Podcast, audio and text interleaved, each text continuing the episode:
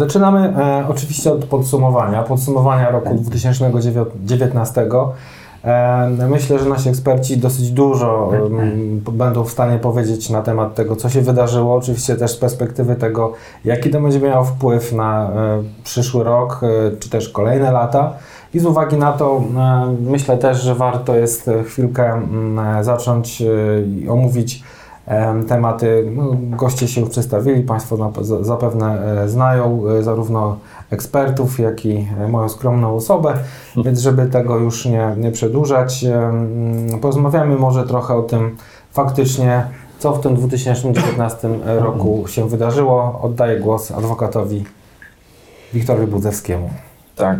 Jest to według mnie chyba, i możemy tak spokojnie powiedzieć, rok nawet powiedział przełomowy, bo e, wydarzyło się naprawdę bardzo wiele. To, to, co tutaj mamy, to tak naprawdę mamy odniesienie do, e, do tej części związanej z postępowaniem e, przed Trybunałem Sprawiedliwości Unii Europejskiej, który rozpoznawał sprawę państwa Dziubak, to jest ta sprawa C260 na, na 18 która e, no, początkowo jakby w pierwszej części została wydana opinia Rzecznika Generalnego, a następnie e, w październiku tego roku został e, wydany wyrok. Wyrok bardzo korzystny, co, co, co już jakby na pewno wszyscy Państwo wiecie i, i wszyscy zdążyliście Państwo go bardzo mocno e, przestudiować. No my wyciągamy dla niego tylko, z niego tylko i wyłącznie e, korzystne konsekwencje, mimo że banki mówią, że tam można wyciągnąć również i, e, i niekorzystne mm, kwestie dla frankowiczów, co, co, co ostatnio miałem taką,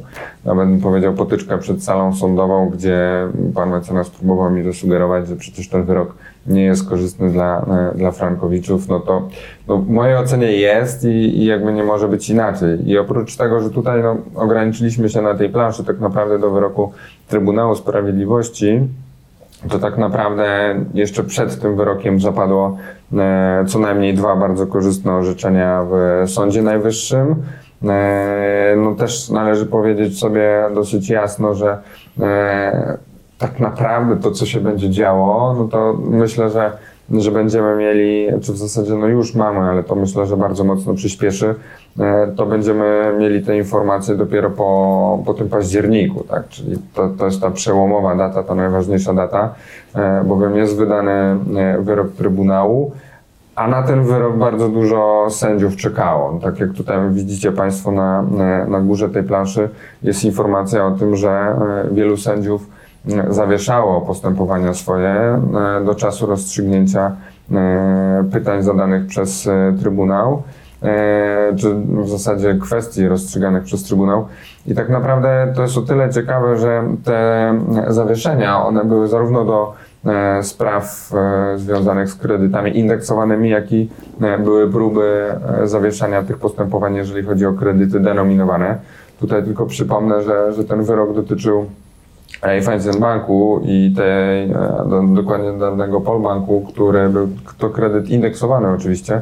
E, Natomiast e, akurat w samym orzeczeniu tutaj Trybunał według mnie dał bardzo ładny ukłon w stronę konsumentów, bo również odniósł się do poprzedniego orzecznictwa, które bezpośrednio e, dotyczy również i kredytów denominowanych. Także tutaj mamy cały, cały przekrój i, zaraz to mamy jeszcze- całe rozstrzygnięcie, ale to, to To, faktycznie... to zaraz to jeszcze sobie omówimy, a Panie Prezesie proszę powiedzieć, jak w ogóle ten wyrok wpłynął na frankowiczów? To znaczy Pan tutaj obserwuje pewnie zainteresowanie w różnych okresach e, roku. Czy to się przełożyło na zainteresowanie w ogóle tematem ogólnie rzecz ujmując? Zdecydowanie. Y, Obserwowaliśmy po mm, tym początku października znaczny wzrost zainteresowania mm, pozwaniem banków. Dużo osób się zgłasza, nawet bardzo dużo osób w porównaniu do poprzednich okresów i my robimy wszystko, aby jak najszybciej dać im odpowiedź. No tak, właśnie. Myślę, że e, dosyć istotnym jest też, żeby spróbować sobie powiedzieć tak naprawdę, e, na co to orzeczenie TSUE e, faktycznie miało wpływ. E, I tak naprawdę chyba jednym z tych najważniejszych elementów jest to, że to jest po raz kolejny potwierdzenie faktu, e, że sąd nie powinien e, uwzględniać e, e, stanowiska banków, które chciałyby, aby po wyeliminowaniu klauzul abuzywnych, i to tak jak powiedział e, mecenas, niezależnie czy od kredytów e, denominowanych czy indeksowanych, chodzi o to, żeby w miejsce takich klauzul niedozwolonych sąd e, nie wprowadzał innych e, klauzul, czy też wynikających z, przepisów dyspozytywnych, których akurat w Polsce w tym zakresie nie ma wprost zapisów, które by w jakiś sposób uzdrawiały, czyli powodowałyby redukcję utrzymującą takiego nieuczciwego zapisu, co by było oczywiście ze skutkiem negatywnym dla E, konsumentów, przy czym na chwilę obecną e, faktycznie można powiedzieć, że jest to na tyle doniosłe w tym wyroku, że e, raczej sądy, mimo że oczywiście każdy sąd w każdym, każdym indywidualnym składzie jest, rozpatruje tą sprawę indywidualnie, natomiast no, co do zasady wydaje mi się, że zarówno Sąd Najwyższy też wypowiadał się wielokrotnie, co zresztą znalazło swoje odzwierciedlenie w ostatnich wyrokach prawomocnych, które zapadły i też o nich zaraz porozmawiamy po właśnie tym wyroku mm, e, w sprawie państwa Dziubak. E, co więcej, no na pewno, e, tak jak tu powiedzieliśmy, jest to tak samo istotne dla kredytów denominowanych, gdyż to dotyczy po prostu klauzul niedozwolonych.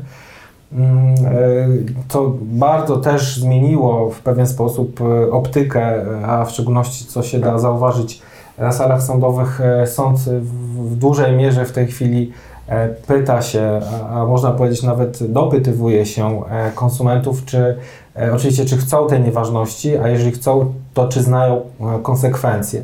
O tych konsekwencjach zaraz też sobie powiemy, natomiast to, co się zmieniło bardzo mocno, to jest to, że sąd bardzo intensywnie stara się zbadać tą świadomość konsumenta w przypadku, kiedy do, wyrok prowadziłby do nieważności tej umowy. No i trzeci, czwartą taką rzeczą, powiedziałbym, e, w pewien sposób też potraktowaną indywidualnie w tym wyroku. Wcześniej, nieco mniej na ten temat, co się wypowiadał, były kwestie może nie tyle potwierdzenia faktu, czy, co jednak e, dotyczące tego, że e, jest element ryzyka kursowego w, tej, w tych umowach i po wyeliminowaniu tego E, elementu ryzyka. Być może sąd powinien uwzględnić, czy to nie zmieniło charakteru tej umowy, a w konsekwencji, czy taka umowa po prostu nie powinna przestać istnieć z uwagi na brak tych właśnie mechanizmów, które nomen omen, ale były podstawą tego To, to jeszcze tylko uzupełniająco powiem, że akurat to, co w zasadzie mówiłem chwilę wcześniej, że ten wyrok odniósł się również do, do, do wcześniejszego orzecznictwa Trybunału, gdzie e, no, TSUE stanął na dosyć jasnym stanowisku, że e, klauzule te przeliczeniowe, klauzule ryzyka, e, jak to określił Trybunał, one jakby są jednym z istotnych elementów umownych, no bo one niejako definiują ten typ umowy, czy tego, tego typu umowy i tym samym no, eliminacja tego, tego istotnego postanowienia umownego może prowadzić do e, nieważności umowy w związku z tym, że no, to istotne postanowienie umowne zostało wyeliminowane. Więc to jest o tyle, e, o tyle istotne, że no mówię, tutaj Trybunał się odniósł e, również i, nawiązał do tych orzeczeń e, dotyczących kredytów denominowanych, więc tutaj mamy całe spektrum objęte tym wyrokiem. E, następnie e, myślę, że też dosyć istotne z perspektywy samego wyroku e, było to, że oczywiście na wnioski, które składaliśmy, ale co do zasady po prostu sąd zaczął w poszczególnych sprawach indywidualnych wznawiać lawinowo te postępowania, które właśnie były zawieszone na tę okoliczność, czyli na wydanie tego wyroku. I teraz abstrahując już od tego, co faktycznie dzieje się w przedmiotowej sprawie w sądzie okręgowym, e, w sprawie państwa Dziubak, już w sądzie okręgowym, to też trzeba powiedzieć, że ten wpływ ponad to, że zostały sprawy wznowione, ma, miał również był dosyć duży na sprawy, które do tej pory nie były wznawiane, ale były wydawane po tym wyroku. Czyli można powiedzieć, że nieporównywalnie dużo pojawiło się wyroków, a przede wszystkim wyroków prawomocnych, które mm, były bardzo korzystne dla konsumentów, o tym też zaraz powiemy.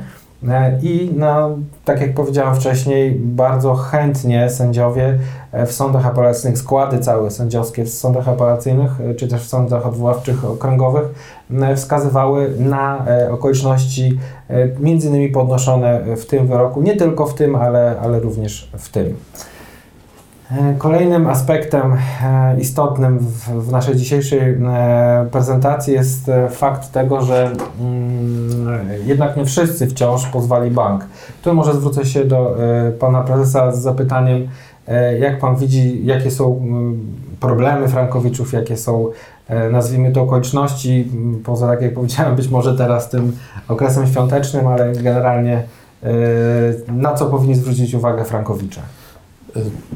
Frankowicze przede wszystkim powinni zwrócić uwagę na okres przedawnienia 10 lat.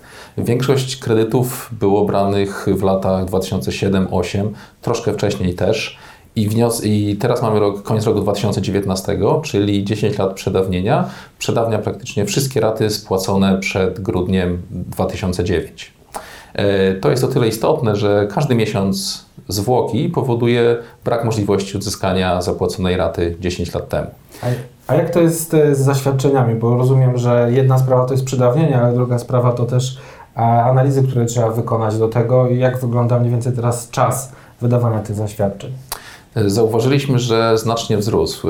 Jeszcze na początku roku można było mówić mniej więcej dwóch tygodniach do miesiąca, aż banki wydawały zaświadczenie o spłatach kredytu, czyli informacje na temat historii spłat, historii zmian oprocentowania, wypłat aneksu, wypłat y, transz, opłat związanych z aneksami itd. Natomiast teraz y, niektóre banki bardzo to wydłużają. Chyba rekordowym mm, czasem jest czas około 4 miesięcy, zanim klient dostał y, zaświadczenie. Tak, czy można jakoś poradzić y, na tą sytuację? Przyspieszyć ten proces y, wykonania analiz? Nie można przyspieszyć działania banku, natomiast można przyspieszyć okres do złożenia pozwu, opierając się na historii rachunku i symulacji oprocentowania. Dzięki temu jesteśmy w stanie wcześniej złożyć y, pozew, a tym samym zatrzymać y, bieg okresu przedawnienia. Czyli rozumiem, Panie Mecenasie, jest to możliwe, tak? To znaczy nie trzeba czekać do wydania tego zaświadczenia, można oprzeć się przynajmniej w tej chwili częściowo na tym, co przynajmniej szczątkowych danych, które wynikają ze świadczenia spełnianych posz- poszczególne e, raty miesięczne. Ja tutaj przyznam się szczerze, że e, wszystko zależy od tego, jak to jest policzone. No jeżeli akurat tutaj między innymi e, e, pan Kamil mi mówi, że jest w stanie takie e, zaświadczenie czy taką historię kredytu stworzyć, symulację kredytu, kredytu, który byłby niepowiązany z walutą, stworzyć na podstawie takich danych nawet szczątkowych, no to dla mnie to jest wystarczające. Ja nie jestem tutaj specjalistą, ekonomistą i, i dlatego my no, no, korzystamy między innymi z Waszego wsparcia tutaj w tym zakresie. Dlatego e, jeżeli ja dostaję informację od Was, że te dane są ok, no to, to ja mogę to oczywiście złożyć do, do sądu i, i zdecydowanie ten bieg e, terminu przedawnienia zostanie przerwany, mm, bowiem no, on się przerywa przez każdą czynność przed sądem, w szczególności jeżeli chodzi o złożenie pozwu. No, później zawsze możemy mm, w jakimś tam zakresie pewnych korekt e, dokonywać. Wiąże się to oczywiście bądź z rozszerzeniem, bądź ewentualnie z e, cofnięciem w jakimś zakresie e, powództwa. Natomiast e, no, też trzeba pamiętać, że zawsze te dane i tak są w następnym kroku weryfikowane przez, e, przez biegłych, bowiem no, sędziowie nie są biegli, nawet gdyby byli, no to, to są na tyle skomplikowane e, obliczenia matematyczne, że no, muszą skorzystać z tak zwanych wiadomości specjalnych, więc muszą się odwołać do, e, do wiadomości przedstawionych przez biegłych, więc to i tak na sam koniec jest weryfikowane.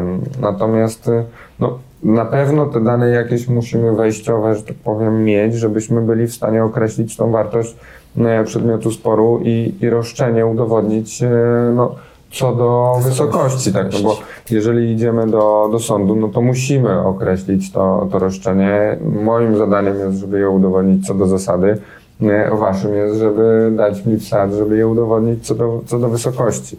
Czyli podsumowując, ten rok przyniósł e, znaczną zmianę, a przynajmniej ostatnie miesiące w tym, jak długo trzeba czekać na zaświadczenie z banku.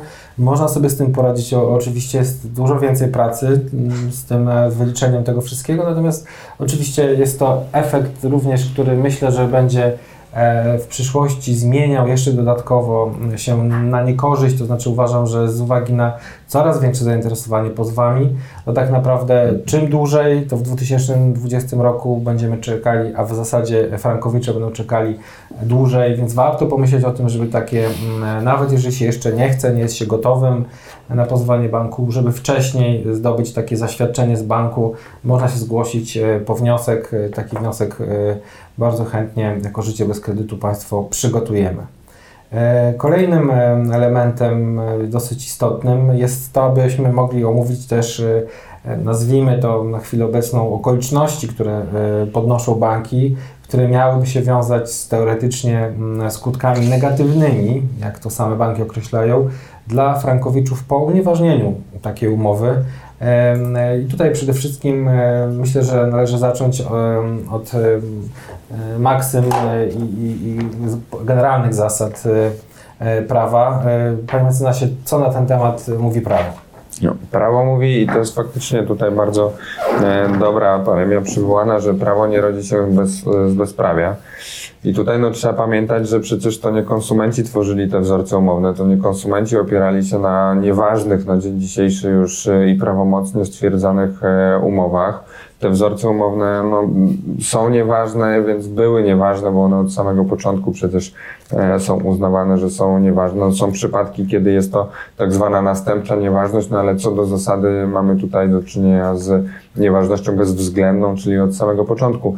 A tym samym no, nie może być tak, że bank, biorąc pod uwagę, że korzystał z, z tego wzorca, który następnie został uznany za nieważny, ale był nieważny od samego początku, żeby bank wyciągał e, tutaj jakieś negatywne e, konsekwencje dla, dla konsumentów. Dlatego tutaj też musimy pamiętać o, o tak naprawdę no, generalnych zasadach, zasady, współ, zasadach współżycia społecznego, czy jakimś zasadzie czystych rąk, która, o której będę jeszcze za chwilę mówił.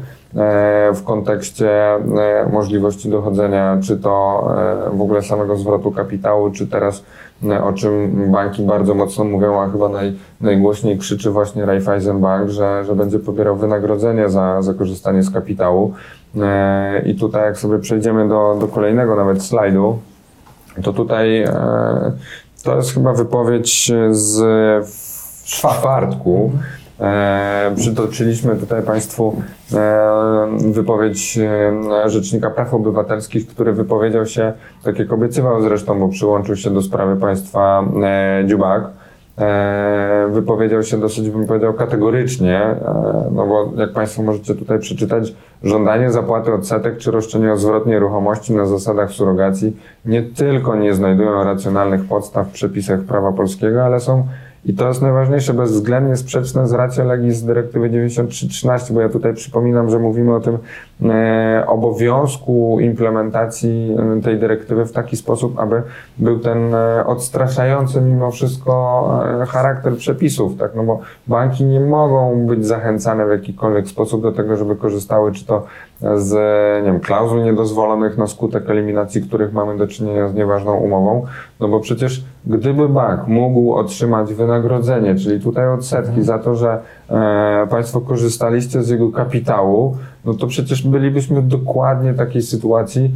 E, a może gorszej by, nawet. A może nawet gorszej faktycznie, bo tutaj banki bardzo głośno krzyczą, żeby korzystały z odsetek, czy to maksymalnych, ustawowych, nie, jakichkolwiek innych, które faktycznie są wyższe niż, e, niż odsetki, jeżeli chodzi o kredyty, e, o kredyty hipoteczne no to przecież e, nie może być tak, że po eliminacji klauzul niedozwolonych bank zarobiłby, zarobiłby jeszcze no, więcej. Tak, tak, bez, bez oczywiście. Chwila przerwy, łyk e, wody. Zaraz przejdziemy dalej. E, proszę też pamiętać, że na koniec naszej prezentacji będą mogli Państwo zadawać pytania. To powinno się zdarzyć gdzieś za jakieś 20 minut, może 30. I na pewno myślę, że wówczas, e, jeżeli ewentualnie coś, co do tej pory powiedzieliśmy, nie będzie też do końca jasne, to będą mogli Państwo na czacie zadać te e, pytania. Następnym aspektem jest omówienie e, tak naprawdę tego, jak wyglądają orzeczenia w sądzie, a w szczególności czym się różnią zasada dwóch kondykcji oraz teoria salda, panie mecenasie. Mhm. To są teoria Sale kompletnie jakby nową teorią, która wbrew pozorom urodziła się e, tak naprawdę przy okazji właśnie kredytów e, frankowych. Wcześniej jakby ona w ogóle w e, polskim prawie nie funkcjonowała. To ona polega generalnie na tym, że no, te roszczenia, które powstają w związku z nieważnością umowy, a, a akurat tutaj to trzeba sobie dosyć jasno powiedzieć, w sytuacji, w której mamy do czynienia z nieważną czynnością prawną, strony powinny sobie zwrócić to, co wzajemnie świadczyły, e, oczywiście z uwzględnieniem przepisów e, ogólnych i tutaj zaraz będziemy e, o tym mówić, jeżeli chodzi między innymi o to przedawnienie. Tak. Natomiast w teorii salda to tam następuje E, ni mniej, ni więcej jak po prostu potrącenie, no bo jest potrącona jedna, e, jedno roszczenie o zwrot e, wpłaconego kapitału przez kredytobiorców z roszczeniem banku o zwrot wypłaconego kapitału i, i zaocznie.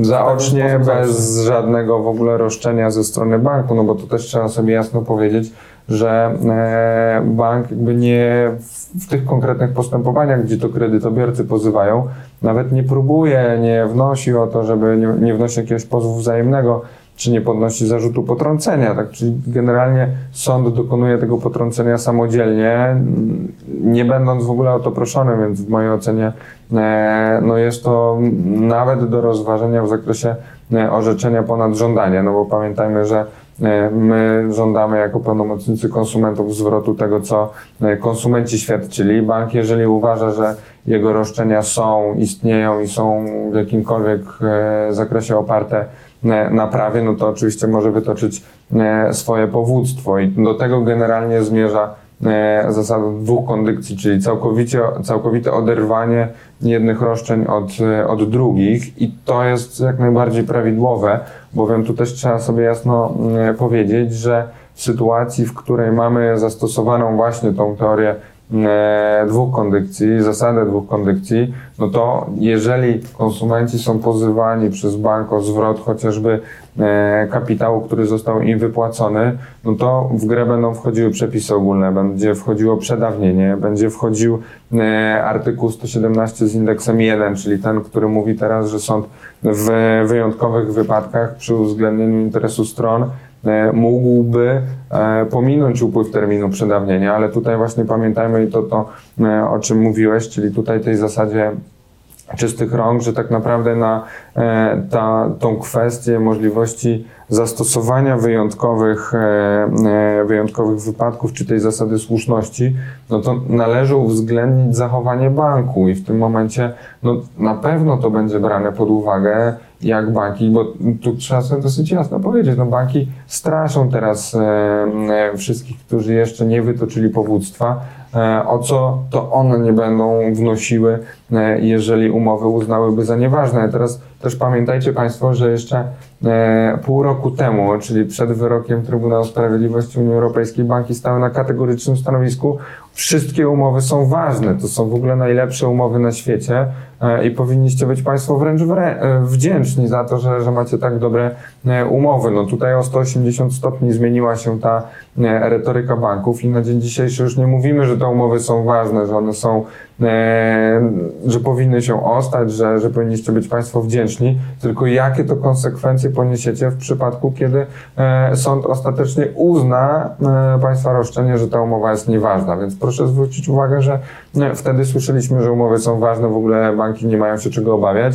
Dzisiaj słuchamy, że banki będą dochodziły tych roszczeń i jeszcze zwrotu czy, czy wynagrodzenia za za korzystanie z kapitału, no, do czego oczywiście w mojej ocenie e, w ogóle nie mają podstaw, co znowu no tak. potwierdził e, Rzecznik Praw Obywatelskich, on, e, o czym mówiliśmy również przed, przed chwilą. No tu należy też zwrócić uwagę, że to nie tylko powiedzmy prawnicy na ten temat się wypowiadają, ale też szeroko na ten temat wypowiedział Rzecznik Finansowy, również Urząd Ochrony Konkurencji, który tak naprawdę jako jedyny podmiot może pogrozić, więc pogroził bankom, że jeżeli dalej będą stanowiły takiego rodzaju, e, nazwijmy to, groźby w stosunku do kredytobiorców, które miałyby w pewien sposób zaniechać dochodzenia swoich praw, czy to przed sądem, czy przed innymi organami, no może to się związać z jakimś naruszeniem interesów e, zbiorowych, co będzie powodowało e, wprowadzenie kolejnej przeciwko jednemu czy drugiemu bankowi, to akurat nie mówimy teraz, który bank, ale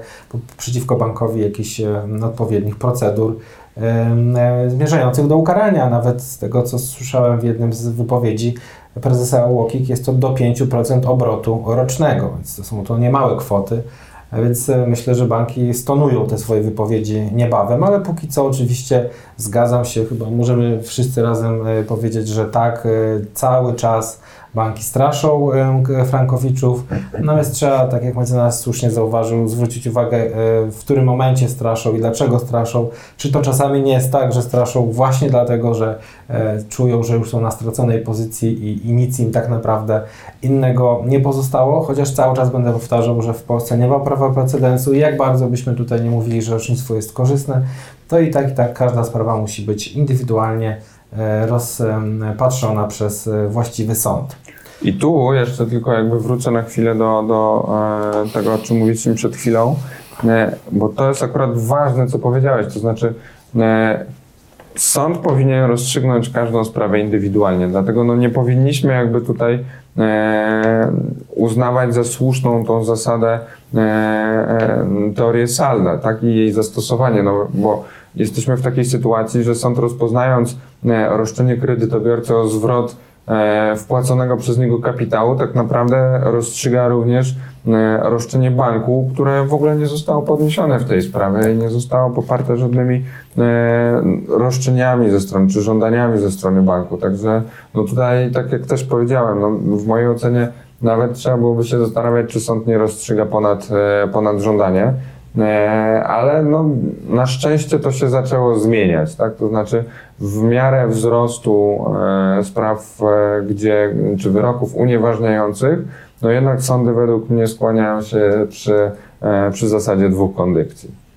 To prawda. To ostatnio e, jest bardzo mocno mm, widoczne. Przeskoczyłeś slajd jeden. Bo E, znaczy w tym slajdzie już w zasadzie tak Aha, powiedzieliśmy. okej. To był slajd, który w pewien sposób potwierdzał tylko to, co wcześniej już powiedzieliśmy, czyli e, właśnie to, że co najwyżej banki mm, mogą próbować dochodzić pozostałych kwot nominalnych, żeby, być, żeby było jasne, są to kwoty jako różnica między tym, co się otrzymało, jak i tym, co się spłaciło. Oczywiście mowa tutaj jest o kapitałach, czyli też na sam końcu e, my powiemy trochę o ostatnim naszym piątkowym wyroku wczorajszym, e, gdzie sąd zastosował e, tą zasadę dwóch kondykcji, przy czym tylko co do kapitału, a pozostawił co do odsetek.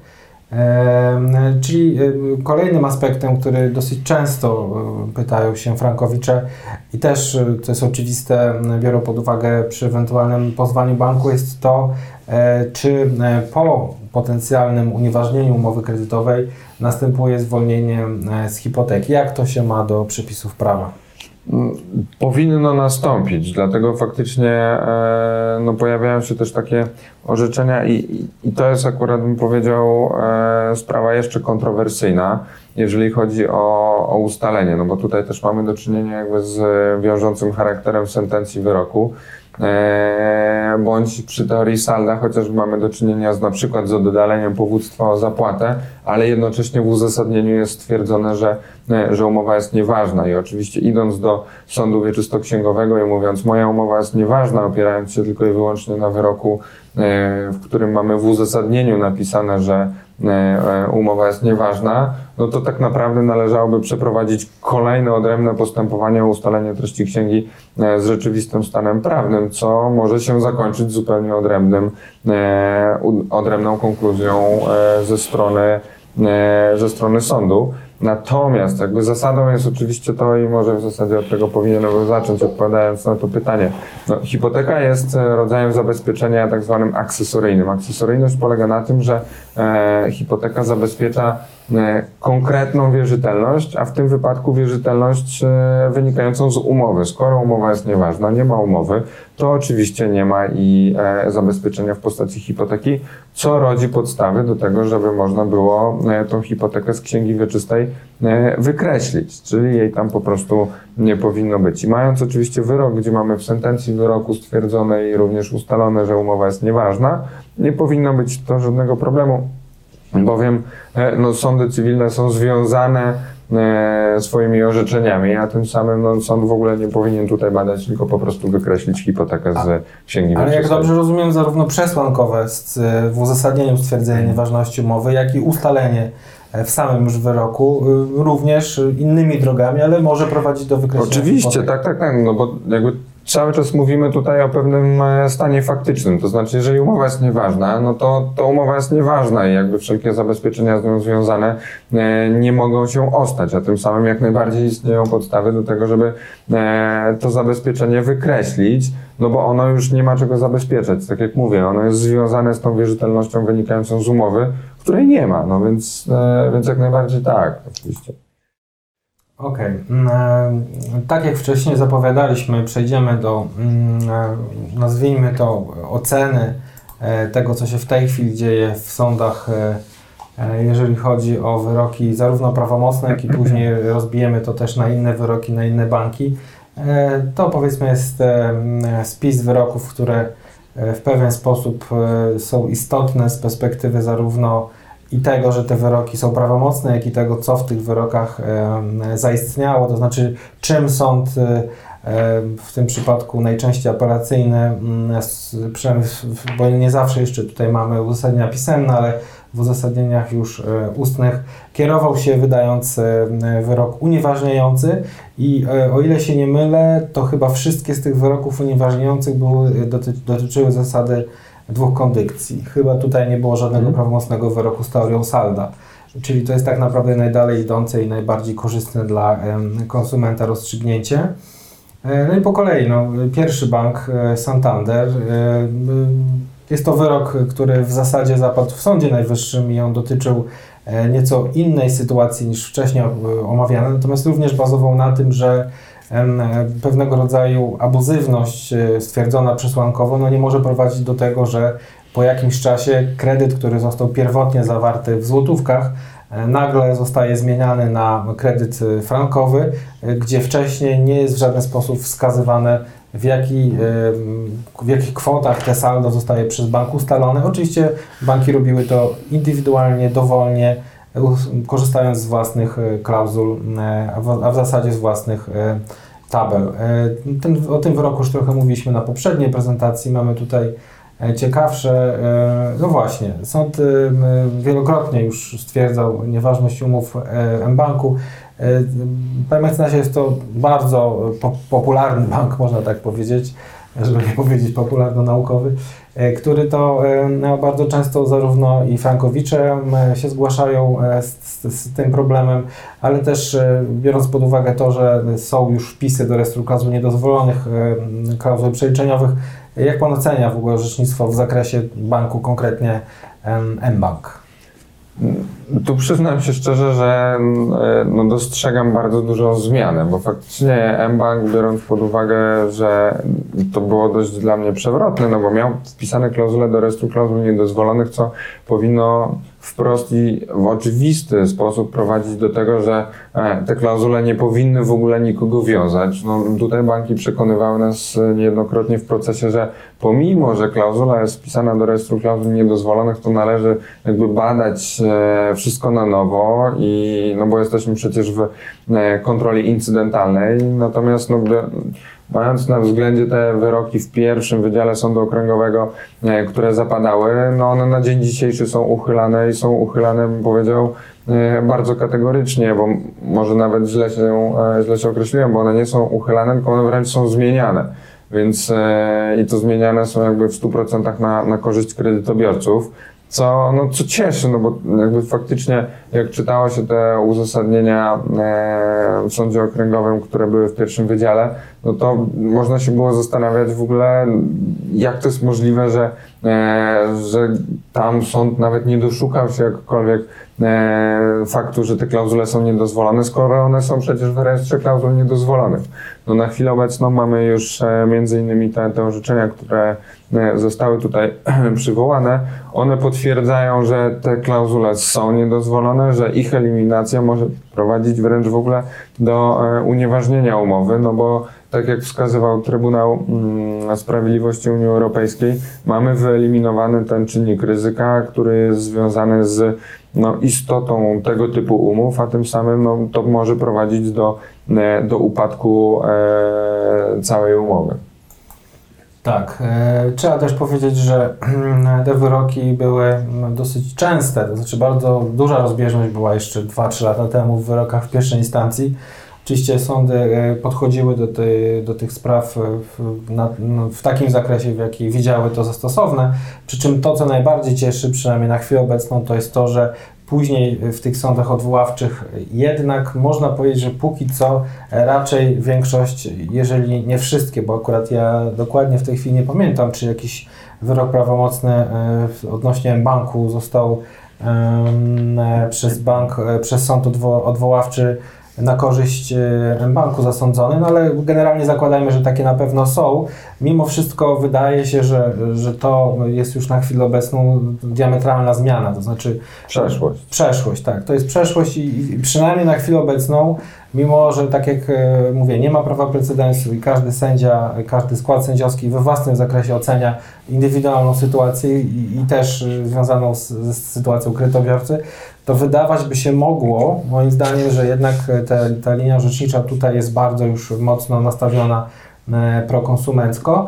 No i zobaczymy, czy ona będzie potwierdzona w 2020. Zakładamy, że, że tak, natomiast czas to pokaże. Kolejny bank, e, też e, dosyć popularny, Bank Millennium, podobna dosyć sytuacja, czyli też klauzule abuzywne wpisane do rejestru klauzul niedozwolonych. Mm, I kolejne wyroki, które też zapadały już po wyroku TSUE E, w zasadzie e, można tylko powtórzyć to, co w poprzednim e, uzasadnieniu jednym czy drugim sąd był łaskaw powiedzieć.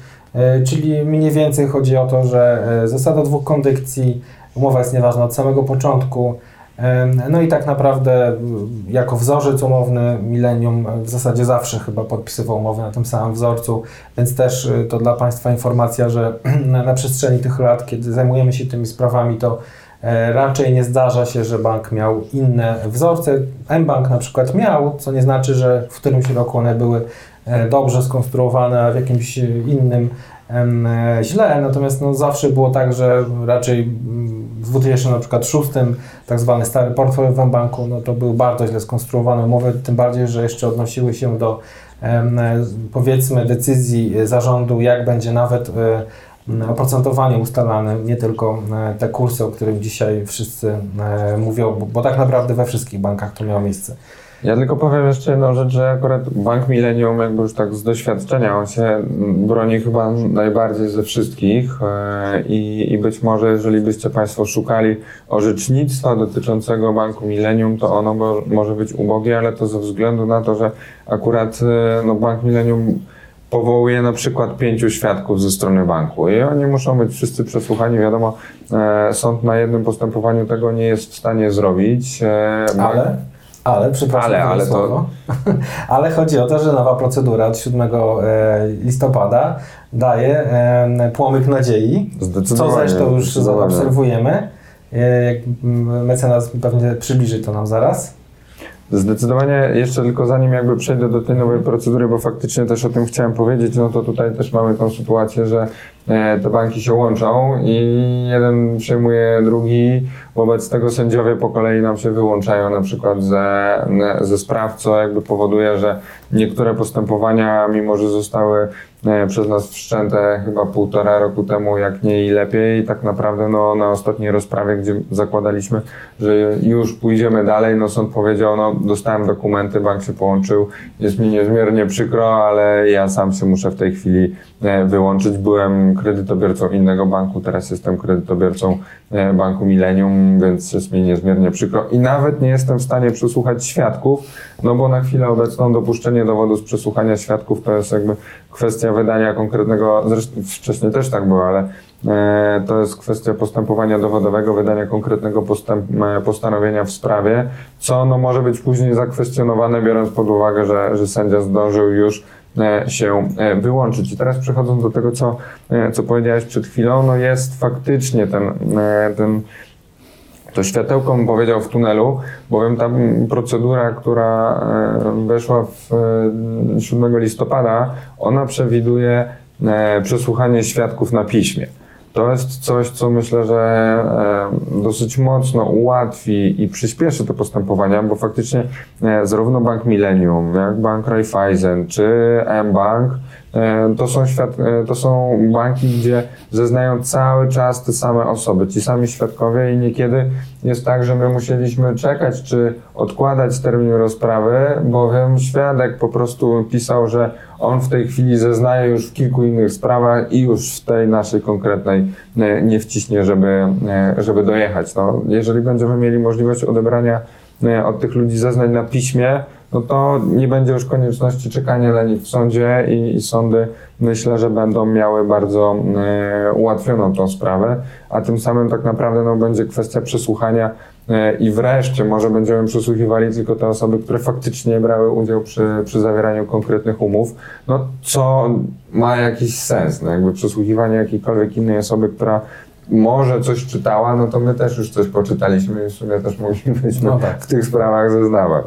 Zresztą tak wyglądały te zeznania osób, które na dzień zawarcia umowy poszczególnych kredytobiorców nigdy nie pracowały w tym banku, bo na przykład e, były zatrudnione dopiero w 2012, gdzie już takiej akcji kredytowej w ogóle nie było.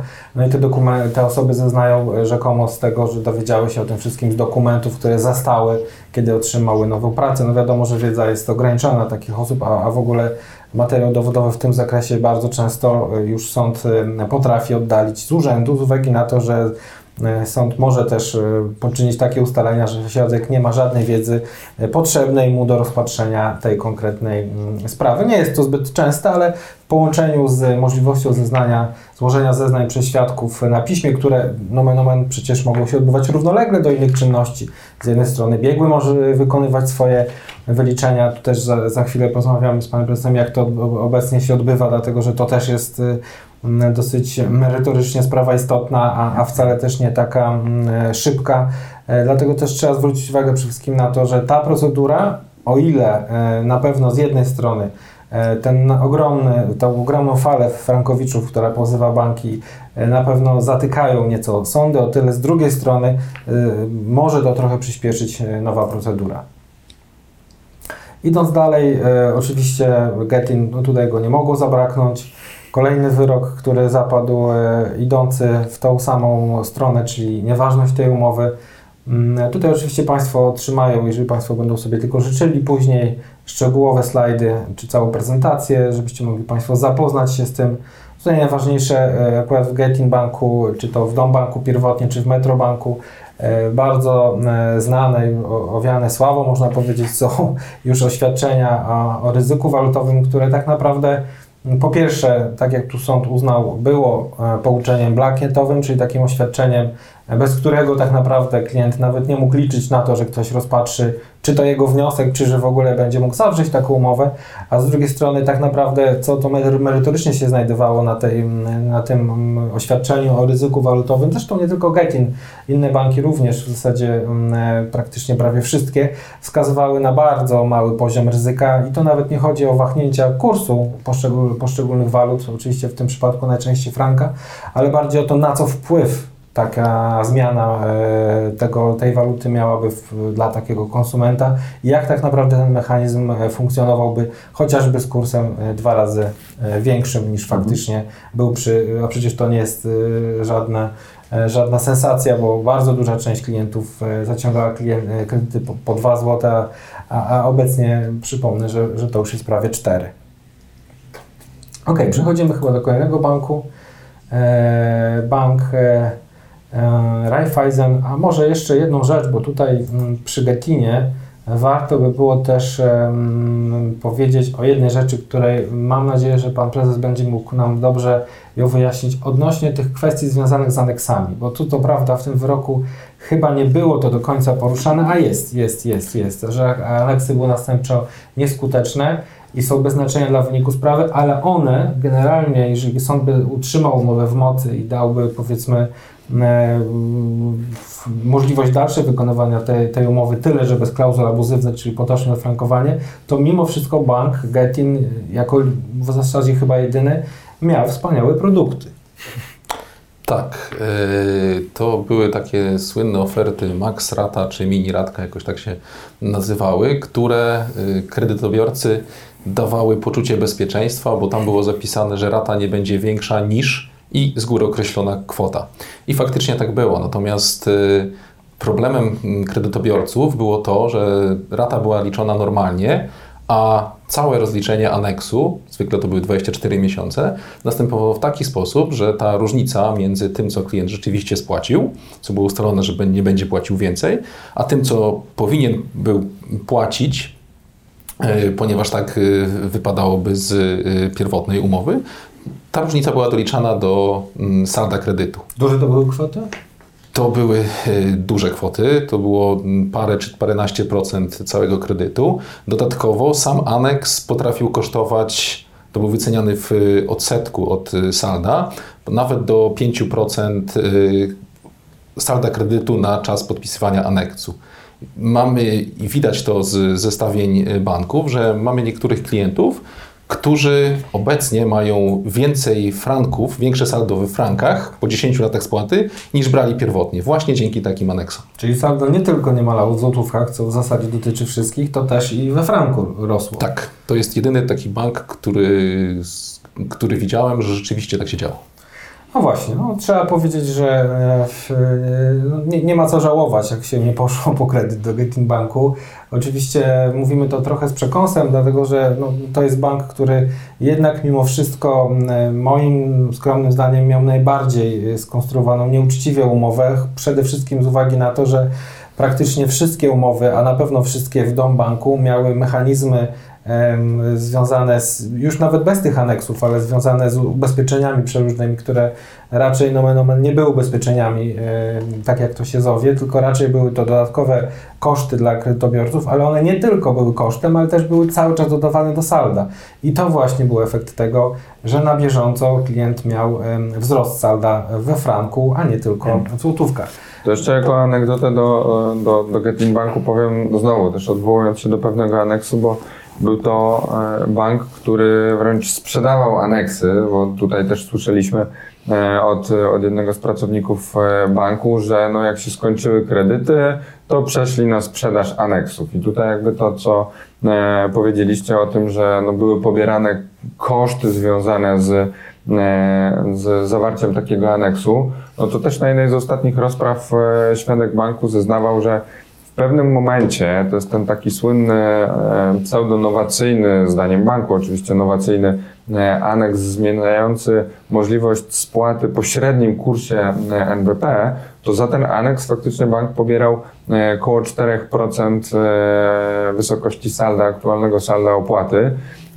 I to było bardzo ciekawe, bo na pytania pełnomocnika banku, no, świadek odpowiedział, że przecież Tutaj dawaliśmy Getin jako, jako bank, dawał możliwość spłaty bezpośrednio po pośrednim kursie NBP, co przecież dawało w ogóle, na, nie można przecież po takim kursie nigdzie kupić. No to tak jakby człowiek w ogóle bez dodatkowych opłat gdzieś kupował walutę, e, to brzmiało tak jakby dostawał ją praktycznie za darmo.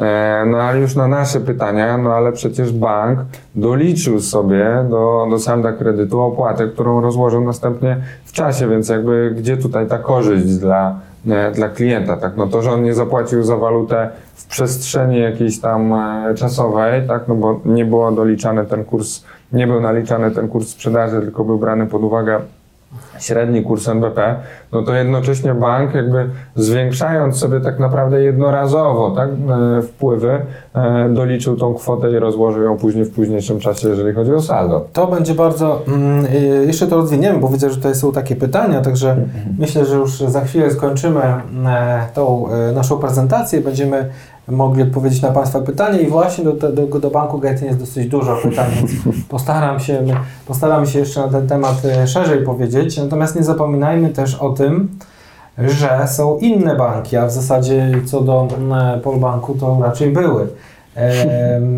Jeżeli chodzi o Polbank, oczywiście mm, jest to bank, który w tej chwili e, funkcjonuje w ramach mm, Raiffeisen International. E, który ma siedzibę w Wiedniu, przy czym oddział jest w Polsce, wobec tego wszystkie postępowania e, prowadzone są e, we właściwym sądzie, przy czym należy zaznaczyć, że już od, też od 7 listopada można pozywać bank zgodnie z siedzibą, a w zasadzie z, z miejscem zamieszkania. Mhm. Konsumenta. Konsumenta, tak. Osoby, która akurat w tym konkretnym przypadku chciałaby pozwać bank. I tu proszę kolejne wyroki, które również zapadały przeciwko e, temu bankowi e, nieważność, e, która w jakiś sposób e, pierwotnie już bardzo często była już i tak i tak zasądzana, to troszkę inaczej niż w banku. W banku można było spotkać dosyć dużo wyroków pierwszej instancji stosunkowo do, całej masy, e, które były niekorzystne, natomiast akurat jeżeli chodzi o Raiffeisen Polbank, to raczej to była mniejszość i te kredyty raczej były tak skonstruowane, że trudno było tam wnioskować coś innego. Mm, Natomiast tutaj no, sąd, akurat w, w jednym z tych wyroków, akurat tu sąd operacyjny w Gdańsku, e, który zresztą dosyć szybko, bo, aż do, bo dopiero, bo zajęło mu to tylko 6 miesięcy, e, w apelacji e, potwierdził ten e, wyrok, stwierdził faktycznie, że nieważność była ustalona e, zgodnie e, z prawem, no i tutaj po- podał tą podstawę prawną artykuł 58 paragraf 2 KC, e, czyli bezwzględna nieważność czynności prawnej sprzecznej z zasadami współżycia e, społecznego. Ja tutaj zwrócę tylko uwagę jeszcze na jedną rzecz, że e, aktualnie zapadają wyroki unieważniające umowy powiązane z walutą, w tym przede wszystkim, czy może również, jeżeli chodzi o Raiffeisen, dawny Polbank, pomimo, że przecież na, na początku jakby tego roku Sąd Najwyższy e, jednym z bardzo istotnych również wyroków e, wypowiedział się, e, że te umowy jakby są ważne, no to znaczy jakby nie stwierdził tam nieważności, nie doszukał się e, nieważności czynności e, prawnej w postaci zawarcia umowy e, kredytu. E, A pomimo tego jakby sądy jednak e, rozstrzygają całe spektrum e, dalszych argumentów, które przemawiają jednak za tym. E, Tutaj również znowu odwołam się do, do wyroku Trybunału Sprawiedliwości Unii Europejskiej, który e, mówił o tym, że ta eliminacja e, tego ryzyka kursowego no, eliminuje ten istotny element z e, umowy. Ta cała indeksacja powinna być wyeliminowana, a tym samym to ryzyko kursowe jest eliminowane, a tym samym wątpliwe jest, aby taka umowa mogła dalej e, obowiązywać. I to właśnie w kontekście jeszcze tego wyroku, który był na początku roku, który mówił, że to był w ogóle jeden z pierwszych wyroków Sądu Najwyższego, który mówił o tym, że cała indeksacja musi zostać wyeliminowana jako, jako niedozwolona, że nie tylko pojedyncza klauzula e, przeliczeniowa, no tylko, że skoro ta klauzula przeliczeniowa jest nie, nie, niedozwolona, to tak naprawdę eliminujemy całą indeksację. No i to w połączeniu z wyrokiem Trybunału Sprawiedliwości Unii Europejskiej jakby prowadzi na chwilę obecną e, wprost i ewidentnie do, do, do nieważności e, tych umów. Czyli drzewo bez gałęzi to nie drzewo, trzeba je No, zdecydowanie tak. No tak, tutaj pan prezes może się wypowiedzieć, że w jego sprawie też sąd e, jeszcze nieprawomocnie, ale wypowiedział się co do abuzywności tych klauzul i chyba w tej chwili oczekujemy wszyscy na to, jak sąd apelacyjny rozstrzygnie ostatecznie, jakie są skutki właśnie stwierdzenia tej abuzywności. Em, I to powinno mieć miejsce również już w 2020 roku, czyli e, zakładając, że w 2019 E, Jak widzimy zresztą na własne oczy tych wyroków przybywa, e, jesteśmy chyba dobrej myśli. Jesteśmy. Faktycznie czekam na wyrok drugiej instancji, bo sąd y, pierwszej instancji stwierdził, y, że klauzule, które były w umowie są abuzywne i należy je wyeliminować. E, Podobno tutaj będziemy mieli jeszcze tak, jeszcze jest Raiffeisen, to kolejny wyrok, e, też sąd okręgowy, akurat to jest wyrok nieprawomocny jeszcze, sąd okręgowy, okręgowy, w Warszawie, natomiast tutaj e, dlatego on jest istotny, gdyż e, bardzo to uzasadnienie wyroku pokazuje na wiele okoliczności, które prowadzi właśnie do nieważności tej umowy, panie Mhm. mecenasie.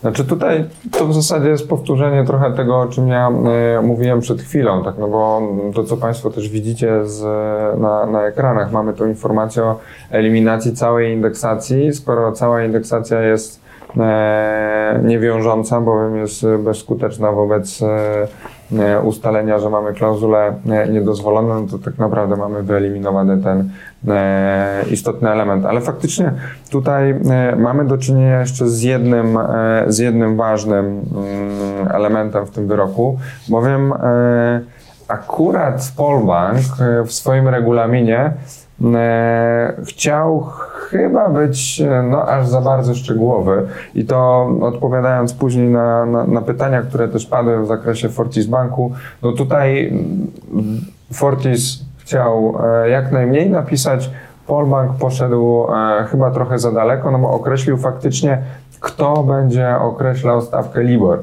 I teraz jest to o tyle istotne, że e, ten podmiot, który określał stawkę LIBOR od 2014 roku już tego nie robi, tylko zmienił się podmiot e, i aktualnie e, robi to mm, całkowicie inna instytucja. Już w ogóle nie mówiąc o tym, że w 2021 roku LIBOR ma w ogóle zniknąć. Natomiast jakby e, wskazując na tą zmianę, akurat sąd okręgowy doszedł do faktycznie chyba jedynego rozsądnego rozstrzygnięcia, że nie nastąpiła zmiana sposobu ustalania e, stawki LIBOR, bowiem no, w regulaminie mieliśmy wskazane, że e, określa to e, BBA, e, a biorąc pod uwagę, że no, BBA już tego nie robi od 2014 roku, tylko robi to e, ICE instytucja, no to tak naprawdę mamy zmianę ale taką zmianę, którą akurat Raiffeisenbank e, potraktował e, macoszemu, bowiem chciał to zmienić tylko i wyłącznie zmianą regulaminu. A sąd do, doszedł do wniosku, że jest to na tyle istotna zmiana, że powinien zostać zawarty aneks, no bo tak naprawdę mamy e, zmieniane jedno z istotnych e, postanowień umowy, no bo Libor. Libor dokładnie tak. Libor przecież wpływa na wysokość oprocentowania. Wysokość oprocentowania e, i sposób jego ustalania jest wprost jednym z istotnych e, elementów umownych, jeżeli chodzi o e, umowę kredytu, co wprost wynika z tego artykułu 69 prawa bankowego, a tym samym no, strony powinny w tym zakresie co najmniej zawrzeć aneks. Tego aneksu, jak wiadomo, nie było. No, tak jak powiedziałem przed chwilą, Raiffeisenbank tylko wysłał e, następczo do, do kredytobiorców e, zmianę regulaminu i to bardzo często jeszcze wysłał e, w taki sposób, że nie wiadomo, czy ona w ogóle doszła, bo e, więc może inaczej, nie wiadomo, czy wysłał, bo, bo nie ma na to żadnego dowodu, że on został, e, zo- został wysłany, został zaakceptowany i że ta zmiana w ogóle nastąpiła. Tym samym, e, no biorąc pod uwagę, że mamy wyeliminowane e, następczo, tak, no bo to też trzeba sobie akurat tutaj e, podkreślić, że tutaj będziemy mieli e, do czynienia z tak zwanym następczą niemożliwością wykonania zobowiązania, bo w momencie, kiedy zmieniła się stawka referencyjna, e, czy podmiot, który ją ustala, no to od tego momentu nie bardzo mamy jak zacząć e, ustalać wysokość, e, wysokości oprocentowania, a tym samym następczo ta umowa przestaje e, być możliwa do wykonania, a tym samym powinna być uznana za, e, za nieważną, ale tak jak mówię, następczo. Tak, no i przełomowo tak naprawdę w 2019 roku sądy zaczęły zauważać e, faktycznie tą argumentację i to doprowadziło, bo to nie jest jedyny wyrok, który doprowadza konkretnie RBI dzisiaj do nieważności tej umowy. Już e, dosyć spora e, grupa sędziów faktycznie rozsądnie podchodzi do tego tematu, gdyż z uwagi na brak esencjali negotiv właśnie w przedmiocie ustalania zmiany oprocentowania, skoro strony się nie, ustali, nie ustaliły tego, następcze, no to trudno powiedzieć o tym, że ta umowa może być wykonana e, zgodnie z wolą stron, gdyż e, każdy z kredytobiorców tu siedzący, chociażby e, pan prezes, może nie mieć ochoty, żeby w jakiś inny sposób była ustalana ta, mm, ta, ta dosyć ważna cyfra, no bo jednak to jest wynagrodzenie banku, odsetki to jest nic innego jak wynagrodzenie banku, a one się ustalają poprzez stawkę referencyjną, która została przez jakiś sposób przez bank na, na dzień dzisiejszy ustalona indywidualnie. E, Przechodzimy teraz do kredytów e, denominowanych. Oczywiście to nie znaczy, że nie było innych e, wyroków dotyczących kredytów indeksowanych, natomiast z uwagi na pojemność tej prezentacji nie chcieliśmy tutaj wychodzić z szerszymi już wszystkimi wyrokami. Oczywiście zapraszamy na Życie bez kredytu, tam są poszczególne grupy do poszczególnych banków. Staramy się na bieżąco informować Państwa o tych wyrokach. E, Tutaj akurat e, myślę, że przejdziemy już w tej chwili e, sprawnie do, do tego, co chyba najbardziej byśmy chcieli omówić, czyli wczorajszy wyrok. Bardzo ciekawy wyrok, chyba jedyny w ogóle w Polsce wyrok, który w taki sposób potraktował nieważność e, rozliczenia stron po nieważności tej umowy. E, Tutaj mam jeszcze PKO. Mm, Jest pierwszy wyrok Deutsche Banku, który opisaliśmy, drugi wyrok. No i proszę Panie Mecenasie, wczorajszy Bardzo wyrok. dziękuję. E, to jest faktycznie e, bardzo ciekawe rozstrzygnięcie tutaj nastąpiło, które przyznam się szczerze, że e, aż musiałem sobie kilkukrotnie do niego myślą wrócić, żeby jakby zrozumieć, co sędzia tak naprawdę nam na, na ustnych motywach wyroku przekazał. Przepraszam, mówimy o wyroku z 13 oczywiście. Żyjemy dniem dzisiejszym, ale A, tak, to prawda. Wyrok jest z, z piątku 13. Piątku tak. 13 i tu faktycznie no, też, też pisaliśmy, że jakby wiadomo, że piątek 13 nie był taki straszny e, dla naszej klientki. E, sąd faktycznie stwierdził, że umowy są dwie, bo tutaj sprawa dotyczyła dwóch umów e, Deutsche Banku, odpowiednio 2007 i 2008 roku.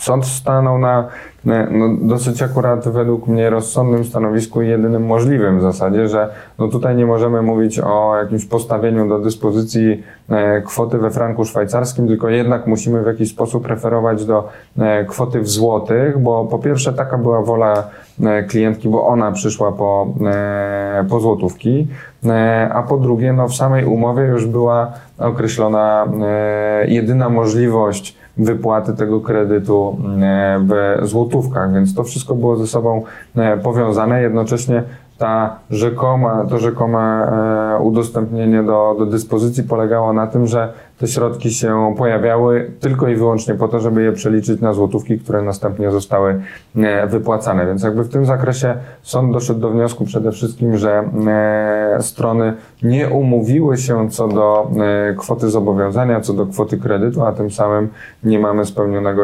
znowu, czy ustalonego pomiędzy stronami jednego z istotnych elementów umownych, jeżeli chodzi, znowu referujemy tutaj do umowy kredytu i artykułu 69 prawa bankowego. Natomiast w zakresie samego rozstrzygnięcia to sąd e, zastosował według mnie taki miks, trochę teorii salda, trochę teorii dwóch e, kondykcji, bowiem e, zrobił tak, że Ratę, rata składa się z części kapitałowej i z części odsetkowej. Część odsetkowa, wiadomo, jest kuponem, jest, jest zyskiem e, banku. I sąd stwierdził tak, że biorąc pod uwagę, że kapitał został wypłacony w kwocie e, X, tutaj nasza klientka spłacała kapitał i odsetki w kwocie Y, no to sąd e, stwierdził, że ta część kapitałowa powinna zostać zaliczona na e, kwotę, która została wypłacona na kapitał, natomiast zasądził zwrot wszystkich e, odsetek, które zostały e, zapłacone właśnie tej części odsetkowej z obydwu umów, więc stwierdził, że okej, okay, no być może bank powinien trzymać zwrot kapitału, natomiast w żadnym wypadku nie należy mu się dodatkowe wynagrodzenie w postaci tej części odsetkowej, którą, tak jak powiedziałem przed chwilą, no ona jest niczym innym jak jakimś tam wynagrodzeniem banku. Skoro umowa jest nieważna, to bank nie powinien dostać żadnego wynagrodzenia. Oczywiście oprócz tej części odsetkowej, no to bank że sąd zasądził zwrot od, e, od banku e, wszystkich prowizji i ubezpieczeń, no bo również doszedł do jedynego możliwego e, rozstrzygnięcia, że skoro jest umowa nieważna, czy umowy nieważne, no to nie powinna być żadna prowizja od nich, od ich zawarcia zapłacona. I tak samo no, ubezpieczenia, które są związane z tą umową, nie powinny być opłaty od nich po, pobierane, a tym samym to wszystko e, zostało zasądzone e, na, na rzecz naszej klientki. Czy to trzeba też zwrócić uwagę na to, że klientka wpłacała i świadczyła na rzecz banku jedynie w złotówkach. E, trzeba pamiętać, że y, trudno powiedzieć, jakby wyglądał to wyrok, żeby klientka na przykład od 2011 spłacała bezpośrednio we franku, natomiast no, akurat ona zupełnie nie, na tym się nie znała i stwierdziła, że w zasadzie nie wiedziałaby nawet jak to zrobić, co też pokazuje na jaki był charakter tego kredytu, że jest to kredyt denominowany, a nie e, walutowy. Natomiast e, bardziej chodzi mi o to, że tak naprawdę, biorąc pod uwagę rozliczenie stron, to sąd miał, mógł tak naprawdę skonsumować w pewien sposób zaocznie e, wszystkie złotówki wynikające ze spłat rat kapitałowych. Czyli tak naprawdę powiedział, że żaden zysk nie należy się, ale należy się zwrot kapitału.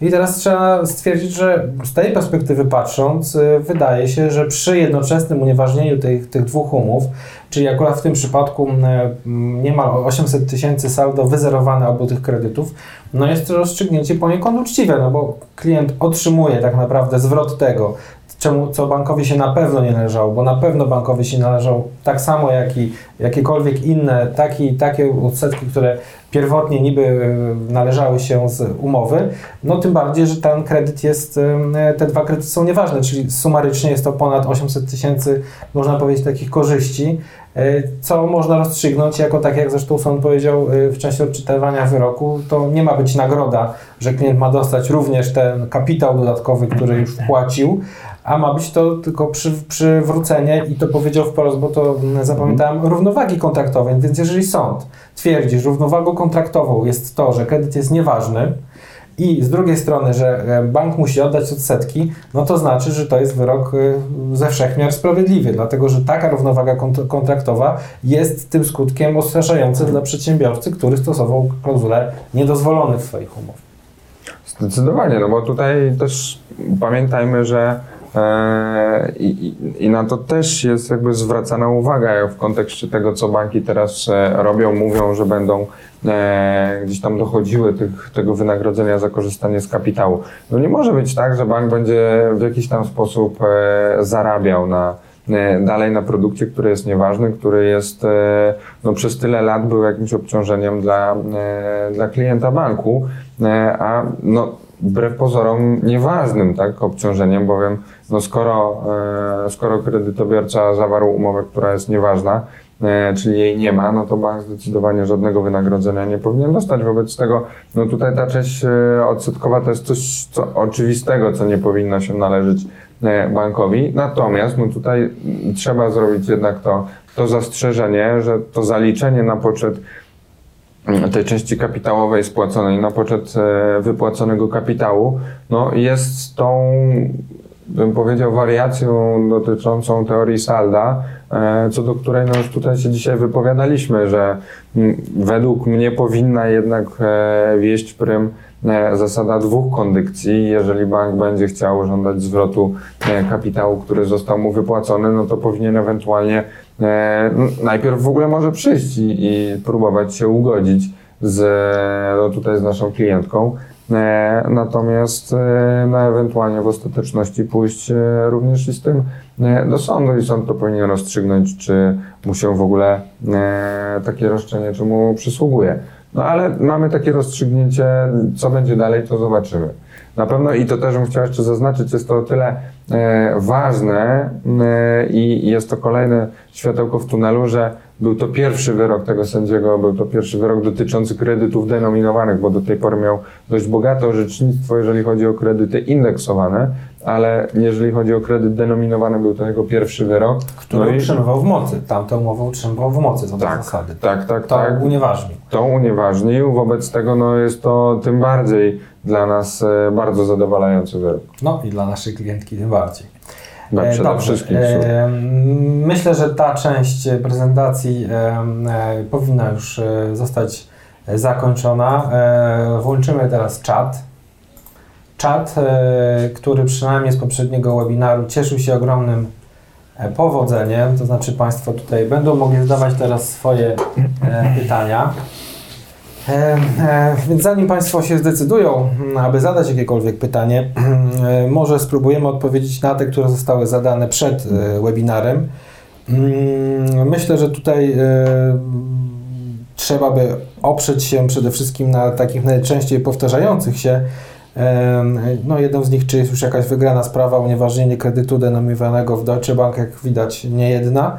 Mm, e, czy bardzo ciekawe pytanie, czy sprawę e, kredytu frankowego można przeprowadzić w jednym postępowaniu sądowym, czy należy liczyć się z koniecznością przeprowadzenia dwóch postępowań?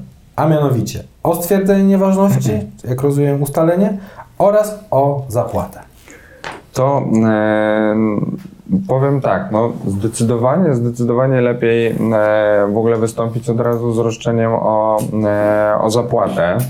bowiem tutaj trzeba e, sobie jasno powiedzieć, że jeżeli chodzi o powództwa o ustalenie, one do tej pory były postrzegane jako e, powództwa, które muszą mieć tak zwany interes e, prawny w tym, żeby je wytoczyć. I oczywiście interes prawny może wydawać się, że, że on jest, e, no bo dobrze by było, żeby ustalić, czy umowa jest nieważna. Natomiast faktycznie orzecznictwo do tej pory było takie, że eliminowało, czy mówiło, że nie ma interesu prawnego osoba, która może wytoczyć powództwo tak zwane dalej idące. Powództwem dalej idącym jest powództwo właśnie o zapłatę, e, bowiem żeby stwierdzić, że należy się zapłata, trzeba stwierdzić, czy umowa jest ważna, czy jest nieważna. A tym samym no, samo to powództwo o zapłatę również odpowie nam na pytanie, e, czy ta umowa jest e, e, nieważna. Tak? No bo dopiero w tym, e, jako następstwo tego, tego sformułowania, tego stwierdzenia, będzie można przejść do, e, do odpowiedzi na pytanie, czy się należą jakiekolwiek pieniądze, jeżeli chodzi o powództwo o, e, o zapłatę. Także no tutaj dwóch postępowań przeprowadzać e, nie trzeba. Więcej bym powiedział na, nawet, że bym odstępował od powództwa o ustalenie e, i szedł tylko i wyłącznie z powództwem o zapłatę. E, Natomiast faktycznie w przypadku e, coraz szerzej pojawiającej się linii orzeczniczej, która mówi o tym, że mimo, że mamy powództwo o zapłatę, to również mamy interes prawny w tym, żeby było e, ustalone w sentencji wyroku, że dana umowa jest nieważna, bo tak jak wskazywałem, tylko sentencja jest wiążąca dla innych sądów, no to zdecydowanie wtedy można powództwo rozszerzyć i iść o dwie rzeczy w jednym postępowaniu, tak? Czyli można iść o zapłatę i o ustalenie, że dana umowa jest e, nieważna, tak? I wtedy będziemy mieli jakby tą, e, tą pełnię praw e, objętą jednym wyrokiem. I jeszcze kaskadowo z roszczeniem ewentualnym. No ale to póki to się, teraz zwróćcie Państwo uwagę, że te powództwa jednak, e, czy, czy te wyroki idą jednak w stronę e, unieważnień tych umów, ale no tak, no jeszcze na chwilę obecną, tak jak między innymi ten sędzia, co, co wydał nam wyrok e, unieważniający, jeżeli chodzi o kredyt denominowany, no on jednak stał na stanowisku, że umowy są e, ważne i powinny być odfrankowane, tak, no więc jakby utrzymywały je dalej w mocy i w takiej sytuacji te powództwa e, powinno się znaleźć te roszczenie ewentualne e, o odfrankowanie, a nie tylko ewentualnie o zapłatę w związku z nieważnością umowy. E, Panie Kamilu, do Pana pytanie, czy wykształcenie ekonomiczne może utrudnić wygraną z bankiem? Mm, Nie. To wiem, e, po s- swojej sprawie mogę, mogę się wypowiedzieć. E, mm, To, że skończyłem studia ekonomiczne, nie ma związku z tym, że bank stosował, zastosował w umowie klauzule niedozwolone, które zostały wyeliminowane. Ja tutaj jeszcze e, jakby trochę ucieknę, bo widzę, że tych pytań pojawia się coraz, e, coraz więcej.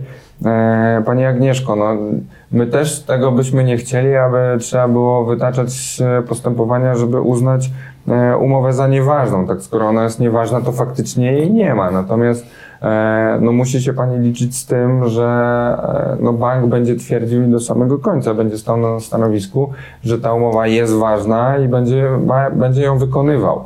To znaczy, jeżeli zaprzestanie Pani spłacania kredytu, no to bank e, po pierwsze e, najpierw będzie dostawała Pani dziesiątki telefonów, co niektórzy nasi klienci jakby potwierdzają, dziesiątki telefonów e, od firm windykacyjnych, po bank, po e, pracowników banku, łącznie z tym, że przychodzą do domu, zostawiają kartki w drzwiach, że jest jakieś tam zadłużenie, e, a następnie bank po prostu wypowie taką umowę. Jak wypowie tą umowę, to skieruje powództwo e, przeciwko konsumentowi o zapłatę stawiając jakby całe, e, całe zobowiązanie w stan natychmiastowej wymagalności.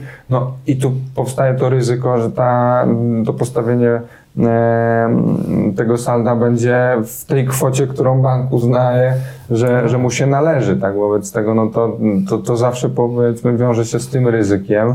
E, Natomiast posiadanie wyroku, który mówi o tym, że umowa jest nieważna, stwierdzający, że umowa jest nieważna, no to tak naprawdę eliminuje już to, e, to ryzyko. Też zwracam uwagę na pojawiające się również e, i, i postanowienia na przykład o zabezpieczeniu, które jakiś czas temu e, e, również było o nich głośno. Tutaj głównie Getin Banku, którego sytuacja wiemy jaka jest, że e, no, w stosunku do niektórych kredytobiorców sąd dochodził do wniosku, że e, no nie ma konieczności, aby oni dalej spłacali, bowiem jest uprawdopodobnione, e, że, że ta umowa jest nieważna i jakby zabezpieczał w ten sposób powództwo, że pozwalał kredytobiorcom, czy, a w zasadzie zakazywał e, bankowi wyciągania konsekwencji z tego, że kredytobiorcy nie, e, nie spłacali e, rat. No ale tak jak mówię, dopóki nie nastąpi e, Prawomocne. prawomocny wyrok, to, e, to bank będzie tą umowę wykonywał i jesteśmy w niejednej już sprawie po pierwszej instancji, e, gdzie mamy orzeczone, że umowy są nieważne, czy że są klauzule niedozwolone e, i, i bank mówi, no ale nie ma prawomocnego wyroku, wobec tego umowa jest dalej ważna, czy umowa jest dalej w e, konstrukcji, którą my żeśmy przedstawili na samym początku, więc trzeba ją wykonywać dalej w taki sposób. No my się oczywiście z tym nie, nie zgadzamy. Ja się tutaj zgadzam w 100% z panią, panią Agnieszką, że jeżeli umowa jest nieważna, to teoretycznie nie powinien tego potwierdzać sąd. Natomiast no, biorąc pod uwagę konsekwencje, które e, będzie wyciągał bank z faktu tego, że nie ma wyroku unieważniającego taką umowę, no to, e, to jednak e, dobrze by było wyrok, e, wyrok mieć, no bo póki co on jest, czy powinien być respektowany przez wszystkich, a przede wszystkim przez bank. Pan Arek pyta się, jak prawidłowo wyliczyć harmonogram spłat. Panie Kamilu. To trzeba wiedzieć najlepiej historię z zmianą oprocentowania. E, Co, co, e, to jest jedna rzecz, a druga rzecz to jest e, przestudiowanie umowy i mm, regulaminu, dlatego że czasami banki wpisywały tam, jak liczą odsetki i raty. Chodzi o to, że raty mogą być po pierwsze równe lub malejące, to jedna różnica, natomiast więcej zdecydowanie banki mają do dyspozycji, jeśli chodzi o wyliczanie odsetek. Mam na myśli to, że niektóre banki liczą, że rok ma 360 dni, niektóre, że 365, niektóre liczą odsetki za każdy dzień między spłatą raty, niektóre zakładają, że okres jest zawsze równy, czyli nieważne jak się wpłaca ratę, a dzielą rok na 12. To powinno być w regulaminach, natomiast wiele banków tego po prostu nie zapisuje. I y, analiza dostarczonych zaświadczeń z banku pozwala nam stwierdzić, co rzeczywiście było robione i jak to było liczone. Miał Pan styczność z pewnie już z, z ogromną liczbą, pewnie kilkaset tych, tych analiz. E, Proszę powiedzieć, czy wychodziły jakieś kwiatki, czy dopiero z takiego zaświadczenia e, można było spostrzec jakieś nieprawidłowości e, w wykonywaniu umowy przez bank? Tak, było kilka przykładów. Tutaj wspomniany wcześniej Getting Bank, z- który dolicza oczywiście, jak już mówiłem wcześniej, opłaty za aneksy do, do kapitału, ale naprawdę w jednym przypadku opłata była doliczona, to było chyba 8% salda kapitału do mm, e, wielkości salda klienta, natomiast e, aneks, jak wynikało to z historii spłat, nigdy nie wszedł w życie. Czyli po prostu klienci zapłacili za nic. Za nic. No tak, no to akurat pewnie Getin, tak jak zwykle.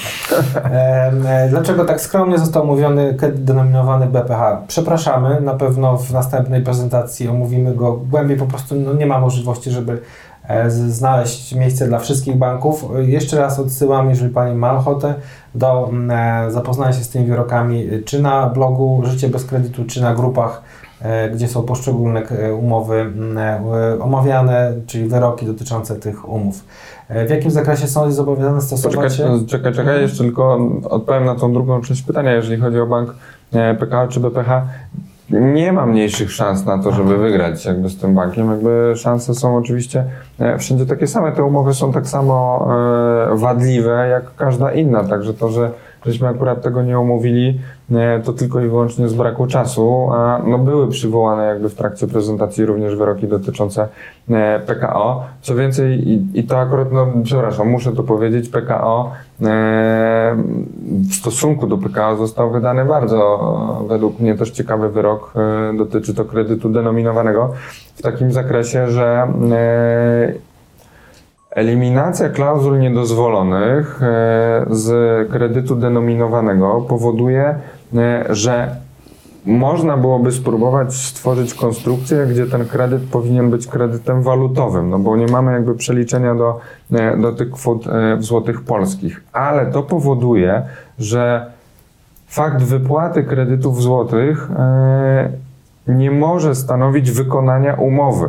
Tym samym bank wypłacając kwotę w złotych wykonał świadczenie zupełnie nienależne. Umowa w ogóle nie została wykonana, bo najwyżej mogłaby zostać wykonana poprzez wypłatę franków szwajcarskich. Zostały wypłacone złotów, złotówki. Wobec tego no, bank w ogóle nie wykonał swojego zobowiązania wynikającego z umowy. Wykonał jakieś nienależne świadczenia e, i tak samo spłaty, które były w złotówkach, no one nie mogą być zaliczone na, na coś, co nawet nie zostało wypłacone. Także e, to, to jest według mnie też bardzo e, ciekawa e, argumentacja i ona dotyczyła właśnie Banku PKO. No i BPH jeszcze trzeba powiedzieć też miał również uzależniony, przynajmniej we wzorcach, które ja kojarzę, oprocentowanie też tak samo jak w przypadku Polbanku od Mhm. Liboru BBA, którego już nie ma. E, Teraz co do stanowiska prezesa UOKiK, pan Łukasz pyta, czy b- w jakim zakresie sąd jest zobowiązany. No przede wszystkim to są preedukaty, czyli można powiedzieć, że są to w, pewnej mierze okoliczności, które sąd powinien wziąć pod rozwagę, ale czy musi? No, musi, moim zdaniem musi, nie ma innego wyjścia. No i na, na szczęście ostatnio zaczęły pojawiać się orzeczenia, które mówią, że nie tylko, że e, warto korzystać z, z tych czy e, stanowisk Urzędu Ochrony Konkurencji i Konsumentów, czy z wyroków e, Sądu Ochrony Konkurencji i Konsumentów stwierdzających, że dane postanowienia są niedozwolone, co trzeba z nich korzystać, bowiem e, no, one określają nam, jakie postanowienia i dlaczego one są e, niedozwolone i, i tak naprawdę sąd akurat w ogóle nie powinien badać tego, czy dane postanowienie e, czy ma ten charakter niedozwolonego postanowienia umownego, tylko ewentualnie ten element, czy ono było negocjowane, czy też nie. E, czyli okoliczność związana z zawarciem danej konkretnej umowy. Natomiast e, no, pamiętajcie Państwo, że e, one nie mogły być negocjowane, biorąc pod uwagę, że wszędzie są dokładnie te same postanowienia, więc tak naprawdę fakt, że w umowie jest zawarte dokładnie takie same postanowienie, które jest w rejestrze klauzul niedozwolonych, czy które zostało e, uznane przez e, prezesa Urzędu Ochrony Konkurencji i Konsumentów, uznane za postanowienie niedozwolone, no to jakby tylko potwierdza, że mamy do czynienia ze wzorcem i tak naprawdę e, sąd już w ogóle nie powinien badać tutaj według mnie e, żadnych okoliczności związanych z tym konkretnym postanowieniem, tylko powinien po prostu zbadać, jakie są konsekwencje e, wyeliminowania danego postanowienia z umowy. Czy kredytobiorca jest konsumentem, tak, czy nie, nie negocjował tego wzorca, ale co do zasady bardzo rzadko tak, tak było. E, Pan, e, pani Ania, Anna pyta się, czy składać pozew teraz, czy poczekać, bo jest dużo pozwów, bieg przedawnienia został wstrzymany przez e, zgłoszenie negocjacji. No, takiego trybu jak zgłoszenie negocjacji nie ma. Być może Pani chodziło o e, zawezwanie do próby ugodowej, natomiast co do Albo tego... postępowanie przed rzecznikiem. Tak, no ale to jakby nazwijmy to, to co do tego, powiedzmy, że być może są tacy, którzy uważają, że faktycznie został przerwany wiek przedawnienia, e, tego nie stosujemy, nie mamy co do tego pewności, nie mamy co też w pewien sposób, można powiedzieć, klientom... e, Czy inaczej, jakby żeby przerwać bieg przedawnienia, czy jakby zawezwanie do próby ugodowej przerywa bieg przedawnienia i to jakby to trzeba sobie kategorycznie powiedzieć. Natomiast praca, e, praca, którą należałoby wykonać, bo mm, żeby przerwać bieg przedawnienia, to musimy skonkretyzować roszczenie. Czyli nie możemy sobie powiedzieć, że ja żądam wszystkiego i, i to jakby nie przerwie nam e, biegu przedawnienia. Tak? No musimy to, to, to roszczenie skonkretyzować.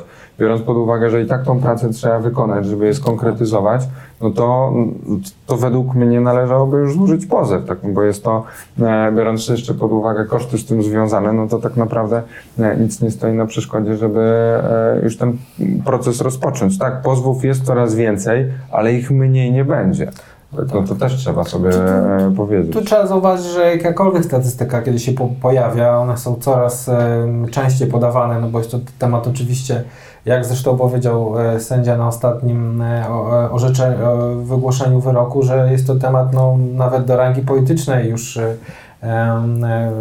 w- w- który, który wzrósł do rangi politycznej i tak naprawdę w tym zakresie należy powiedzieć, że na pewno tych pozwów będzie coraz więcej, tym bardziej, że e, wynika to przede wszystkim z tego, że ludzie mają coraz więcej informacji, które są, które dopływają z różnych źródeł, no, y, w społeczne życie bez kredytu chociażby liczy ponad 15 tysięcy osób, a jeszcze rok temu to było połowę tego, także to też pokazuje, jaki jest wzrost zainteresowania te- tym tematem i y, biorąc pod uwagę fakt tego, że jeżeli założymy, że czym później złożymy pozew, tym dłużej będziemy czekali na, na wyrok oraz innych okoliczności, e, takich jak e, chociażby wcześniej w dzisiejszym naszym webinarze poruszanych, to wydaje mi się, że e, chyba warto przynajmniej rozważyć poważnie złożenie tego pozwu teraz. Natomiast czy, czy warto czekać, to już każdy musi sobie na podstawie obiektywnych informacji ocenić. Natomiast odpowiedź nie jest na pewno taka sama dla każdego, no bo każdy jest w innej sytuacji. Są też przecież tutaj, jest klient, który e, zapytał się, czy jest sens pozywać bank, e, kiedy zawarł kredyt e, zaraz przed wejściem ustawy antyspreadowej. No może dla Pana e, sens będzie albo nie, ale na przykład jeden z naszych klientów ma taką umowę zawartą nawet po wejściu ustawy antyspreadowej, co więc też nie wyklucza możliwości dochodzenia takich roszczeń. Także tutaj z tej perspektywy to bym powiedział tylko tyle, że to na pewno wymaga własnej analizy w gronie rodziny, bo tak naprawdę tego rodzaju postępowanie dotyczy nie tylko interesu jakby jednostki, ale też i rodziny. Wielokrotnie mówi się dzieci, bo przecież wiadomo, że te kredyty, jeżeli one cały czas rosną, to ktoś kiedyś je musi spłacić, a jeszcze, żeby było ciekawiej, wiele kredytów wychodzi poza okres e, czynnej pracy, czyli e, klienci e, dostawali kredyty, e, mimo że wiadomo było, że w czasie, kiedy mają być one ostatecznie spłacone, będą mieli po 70, 80 czy 90 lat. Także wiadomo, że jest to e, decyzja naprawdę indywidualna. Zależy też od tego, czy e, wiąże się z relokacją. Bardzo wielu klientów e, myśli o tym, żeby w końcu wyrwać się z tych sideł, które nastawiły na nie banki, bo nie mogą na przykład już funkcjonować, prowadzić życia w tym miejscu, w którym żyją, a to jest związane tylko i wyłącznie z tym, że taki kredyt, e, wysokość tego, co żąda na chwilę obecną bank jest e, na tyle wysoka, że nawet nie stać byłoby e, klienta na spłatę takiej nieruchomości, już nie mówiąc e, Kredytu, po sprzedaży tak, po sprzedaży nieruchomości pewnie mostów by zabrakło w Polsce, żeby w, później po, po takiej sprzedaży można było mieszkać, to tak mówiąc już naprawdę okrutnie, ale no mówiąc wprost, no wiele osób znamy takie sytuacje i to naprawdę nie są jednostki, e, ma saldo zadłużenia dużo większe, nawet czasami dwukrotnie większe niż pierwotnie, a w międzyczasie już praktycznie całość kredytu została spłacona nominalna. Więc no, to, to, to naprawdę bardzo mocno zależy. Tu, Pani Anno, y, proszę sobie pozbierać informacji, naprawdę ich jest bardzo dużo. Przepraszam, niedługo e, będzie nowy e-book na 2020 rok, też z informacjami, mm, czy warto, dlaczego warto. E, Naprawdę tych informacji jest dużo, e, jest możliwość konsultacji, proszę zawsze o tym pamiętać. E, Jak wygląda sytuacja z kredytami denominowanymi w Fortis Bank? Jaka jest szansa na wygranie procesu? E, Fortis Bank faktycznie miał to, co mówiłem na samym początku e, dzisiejszego webinaru, że miał tak skonstruowaną umowę, że w zasadzie niewiele z niej wynika. Natomiast jest to według nas typowy kredyt denominowany. On jest jakby też mechanizm jasno wskazuje. Mamy kwotę we franku szwajcarskim, jest obowiązek wypłaty kwoty w złotych, bo nie ma innej możliwości, bowiem cel kredytu e, zazwyczaj oczywiście był, e, był w złotówkach, no bo nie można było w inny sposób e, co najmniej do 2009 roku realizować zobowiązań na terytorium Rzeczpospolitej Polskiej. A tym samym i spłata również była w, niejednokrotnie w złotówce. Oczywiście Fortis Bank miał tak, że zakładał dwa konta od razu, e, frankowe i, e, i złotówkowe, natomiast 90% e, chyba naszych klientów Fortis Banku miało jasną, bardzo konkretną informację. Macie Państwo zasilać konto w złotówkach, i z tego konta będą bezpośrednio pobierane przez bank samodzielnie już na podstawie pełnomocnictwa przepraszam, e, kwoty e, na spłatę kredytu we frankach szwajcarskich, tak? czyli konkretną, e, konkretną ratę. Więc jakby no my stoimy na stanowisku, że jest to typowy kredyt denominowany i tak samo z nim walczymy w sądzie. Mamy oczywiście nieprawomocne, ale mamy wygrane, jeżeli chodzi o, o Fortis Bank, gdzie wprost było stwierdzane, że są tam klauzule niedozwolone, że te klauzule przeliczeniowe są, Plus, nie, są klauzulami niedozwolonymi. plus ubezpieczeniowe jeszcze No, oczywiście. no tak, no ale W zawsze. związku z zawartymi klauzulami abuzywnymi w umowie niepotrzebne jest moje wyliczenie na kartce. Wystarczy tylko zaświadczenie z banku No nie, no zaświadczenie z banku y, generuje tylko i wyłącznie bazę danych, y, czyli cyfry, z których trzeba wykonać już właściwe, właściwą analizę, tak? Czy trzeba też zaznaczyć, że tak naprawdę analiza jest w pewien sposób pochodną tego, jak y, adwokat y, widzi roszczenia, czyli adwokat tak jakby decyduje, co ma być policzone, już tak mówiąc y, kolokwialnie, i tak naprawdę każde z tych roszczeń, bo tak jak tutaj się e, przetarło trochę w naszej rozmowie, te roszczenia mogą być różnie skonstruowane, pozwy mogą zawierać kilka roszczeń, roszczenie główne, roszczenie ewentualne, plus jeszcze, przecież e, chyba rekordowe ma aż 8 tych różnych roszczeń, to, to kwestia jest tego, że każde z nich musi być udowodnione co do zasady, ale również i co do e, wysokości. Dlatego te wyliczenia na kartce, no, no zależy tutaj Panie Arku, jak Pan dobrze na tej kartce liczy, natomiast no, co do zasady, to one muszą mieć oczywiście e, podłoże w tym, że musi być udowodnione to, musi to być właściwie policzone, to jest po pierwsze, a po drugie cyfry, które będą wynikały z tego Pana wyliczenia, one muszą mieć potwierdzenie w faktycznie spełnianym przez Pana świadczeniu, czyli muszą być e, udowodnione, że było to faktycznie przez Pana realizowane na rzecz banków e, jak w formie rat kapitałowo-odsetkowych. Ja tylko dodam jeszcze jedną rzecz, e, bo być może to bardziej o to e, chodziło w tym, w tym pytaniu. My na pewno nie ujmujemy Pana wyliczeniom na kartce, natomiast proszę pamiętać, że bank no, to jednak po swojej stronie dokonywał pewnych czy e, czynności księgowych i nie wiemy, czy to, kiedy z Pana konta jednego zeszła rata, to czy ona tego samego dnia e, została zaksięgowana na przykład na poczet spłaty raty. A czy to znowu nie spowodowało naliczenia e, za jakiś jeden dzień, dwa, trzy, o, czym Pan w ogóle może nie wiedzieć, e, odsetek e, karnych za opóźnienie. Wobec tego to wszystko wbrew pozorom wynika e, z zaświadczenia banku, e, a o czym klienci mogą po prostu nie wiedzieć. I znowu to jest też o tyle istotne, że o ile Pan by nam dał swoją kartkę, a w zasadzie mi, to ja mówię, że to jest Pana oświadczenie, jak Pan spłacał kapitał i bank mówi, ale po naszej stronie to wyglądało zupełnie inaczej. W przypadku, jeżeli mamy zaświadczenie e, banku, to my mówimy, bank powiedział nam, że w ten sposób e, spłacał swój, e, czy Pan spłacał swój kapitał, czy swój kredyt, a tym samym no nie bardzo ma tutaj jakąś możliwości manewrowania, czy próbowania wycofania się z tego, że, że ten kredyt był w jakiś inny sposób rozliczany, a tym samym no, to jest jednak oświadczenie wtedy już z banku, który, który można chyba powiedzieć nawet, że mamy e, udowodnione, no bo bank nie będzie kwestionował własnego e, zaświadczenia, chociaż to się czasem zdarza. Czyli ja w ogóle powiem nawet troszkę więcej, bo tak z perspektywy czasu to trzeba spojrzeć, że dopiero komplet dokumentów, czyli nie tylko umowa i zaświadczenie, ale też, jak już tutaj mówiliśmy chwilę temu o Fortisie, kto z Państwa miał w ogóle regulamin, bo prawda jest taka, że te mechanizmy, o ile w ogóle opisane e, konkretnie, to one gdzieś tam znajdują się raczej w regulaminie, więc też zanim nie mamy tego regulaminu w konkretnym banku, no to też trudno powiedzieć w jaki sposób bank i czy właściwie e, rozliczał e, nawet według tego, co jest literalnie w, tym, w tej umowie, w tym regulaminie wpisane, faktycznie ten kredyt na, w perspektywie lat, a już mówimy, że jest to niejednokrotnie 10, 12, może więcej lat, gdzie no, ludzie tak jakby myślą raczej o tym, jak spłacić ten kredyt, a nie myślą o tym, czy ta umowa była uczciwa, czy nie, co się właśnie zmienia. To znaczy, to jest okres e, w tej chwili taki, kiedy frankowicze zauważają, e, że faktycznie e, mają możliwość e, dochodzenia swoich roszczeń z uwagi na to, że bank stosował nieuczciwe klauzule w- przeliczeniowe, czy też w ogóle cała konstrukcja umowy powodowała, że ona jest niewykonalna albo po prostu nieważna.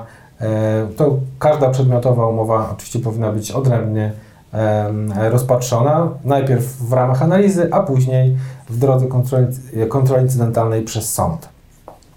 Mamy pytanie, do jakiego sądu e, złożę sprawę. E, Pani Asiu, jeżeli Pani mieszka e, w Zielonej Górze, może Pani złożyć i w Zielonej Górze, i w Warszawie. Oczywiście trzeba No, to też pytanie, jaki bank? No bo niektóre banki nie mają siedziby w Warszawie, No tak. wtedy nie możemy złożyć do Warszawy. Znakomita większość jest w Warszawie, są dwa banki, które mają poza Warszawą, ale zawsze, jeżeli Pani jest z Zielonej Góry, pozdrawiamy Zieloną Górę, można złożyć w Zielonej Górze. E, Czy to jest lepsze? To też zależy od konkretnego banku, konkretnej sytuacji, to też trzeba ocenić. Przepisy wszędzie są takie same. Tak, tak. No wszędzie sądy są niezawisłe, więc trzeba też y, z tym się mierzyć. Jakie znaczenie ma e, prowadzenie przed postępowaniem sądowym procedury reklamacyjnej? e, przed bankiem i rzecznikiem finansowym. To może tak, w związku z tym, że to jest pytanie mało istotne, a wiem, żeby mecenas bardzo dużo na ten temat powiedział, to może powiem tak, niewielkie znaczenie i generalnie trzeba to prze, przeprowadzić. Generalnie wiemy też, jaka będzie zazwyczaj odpowiedź na to banku.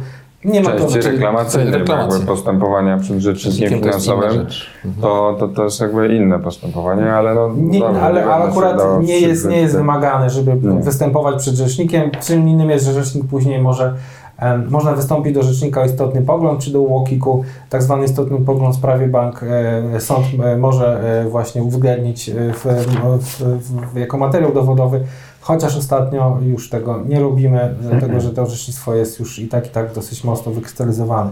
Czy w przypadku po, pozytywnego rozpatrzenia pozwu klient musi spłacić cały kapitał? Jak klient może sobie poradzić z tą spłatą? No tak, na ten, na ten temat już pośrednio rozmawialiśmy przy tych wyrokach unieważniających. E, Czy musi spłacić takiej okoliczności wynikającej z prost z wyroku, kiedy to pan, pani Piotrze na przykład pozwie bank, e, no nie musi być, tak? Raczej to bank musiał pana pozwać. I teraz pytanie, jaka jest pana sytuacja, ile pan już spłacił pieniędzy do banku nominalnie, ile z tego było właśnie e, kapitału, ile odsetek, jaki będzie ostatecznie wyrok.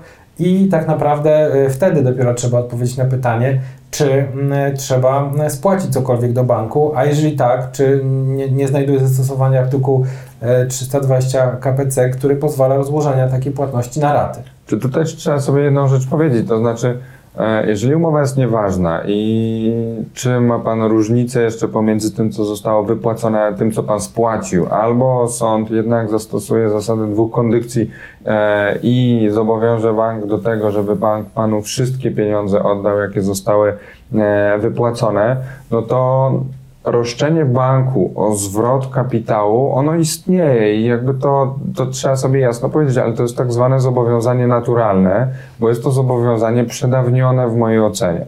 Wobec tego je można spełnić, ale nie trzeba go spełniać, jeżeli ktoś tego nie chce. Oczywiście, jeżeli e, mielibyśmy do czynienia z wyrokiem, gdzie sąd powiedziałby panu, czy zasądziłby na rzecz banku od pana zwrot kapitału, bo uwzględniłby jakieś szczególne okoliczności i stwierdził, że upływ terminu przedawnienia, czyli ten artykuł 117 z indeksem 1 zostałby tutaj zastosowany, no to wtedy oczywiście spłacić się by, by należało. Natomiast na dzień dzisiejszy, jeżeli mamy umowę nieważną, no to mamy do czynienia z zobowiązaniem naturalnym, bowiem e, roszczenie banku jest przedawnione. E, no, więc może, może tyle.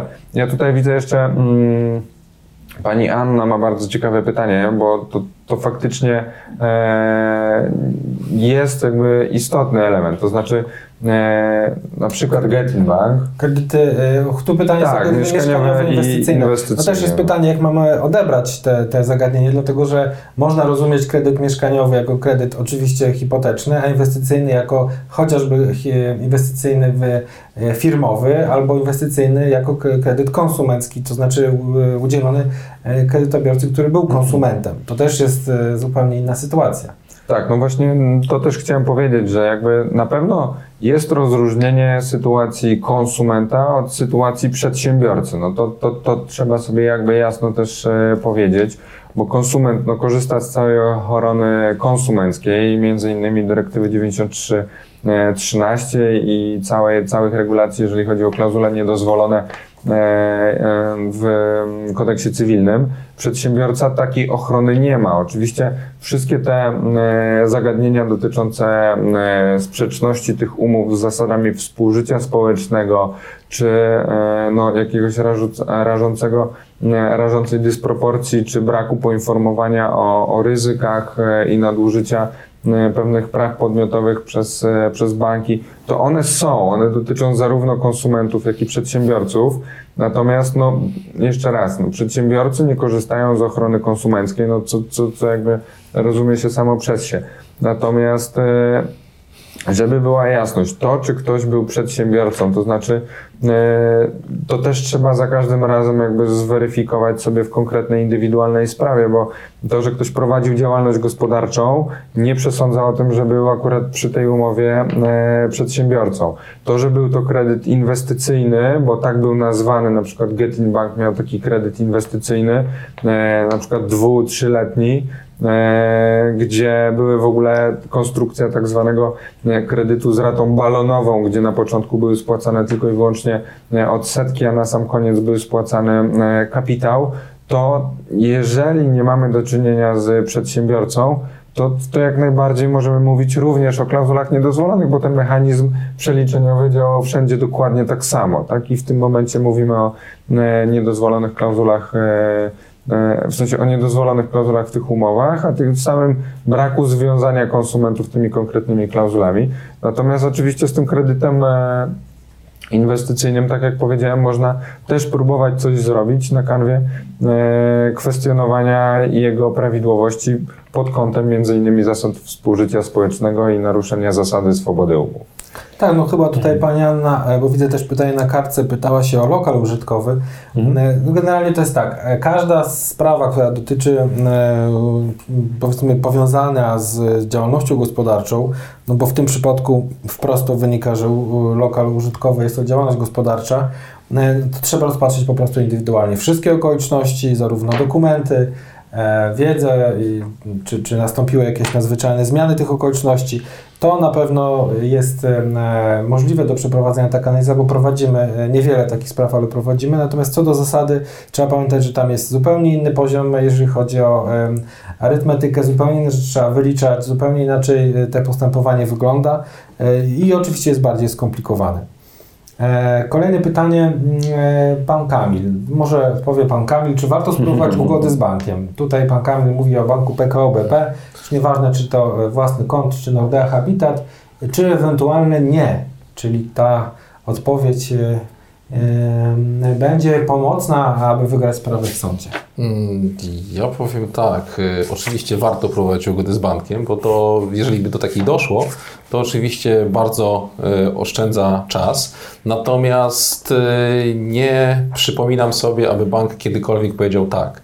Więc nie mówimy o ewentualnym nie, tylko mówimy o zdecydowanym nie. Czyli z naszego doświadczenia wynika, że nigdy bank nie poszedł na ugodę. Może się to zmienić w przyszłości, ale do tej pory przez ostatnie 4 lata nie słyszałem o takim przypadku. Czy to, to też jakby, żebyśmy sobie jasno powiedzieli, no jakby e, mówimy tutaj o ugodzie, ale takiej, która byłaby jakaś racjonalna dla konsumentów, a nie, że bank teraz łaskawie przeliczy e, kredyt po średnim kursie NBP, no bo takie o, propozycje, tak, tak, pro, takie propozycje też e, padają. No Same bo, siebie nawet. Tak, tak i to jakby no dziękujemy, ale, ale nie, tak, no, bo to w ogóle nie wyeliminowałoby pewnego ryzyka, które na dzień dzisiejszy już się zmaterializowało, tak, no bo byśmy musieli brać pod uwagę saldo kredytu, które jest e, na dzień dzisiejszy. Ba, bank być może by w ogóle żądał dodatkowych zabezpieczeń, bo przy, takiej, e, przy takim przewalutowaniu badałby ponownie w ogóle zdolność kredytową Dokładnie. każdego przy badaniu zdolności kredytowej mogłoby się okazać, że jakby wartość nieruchomości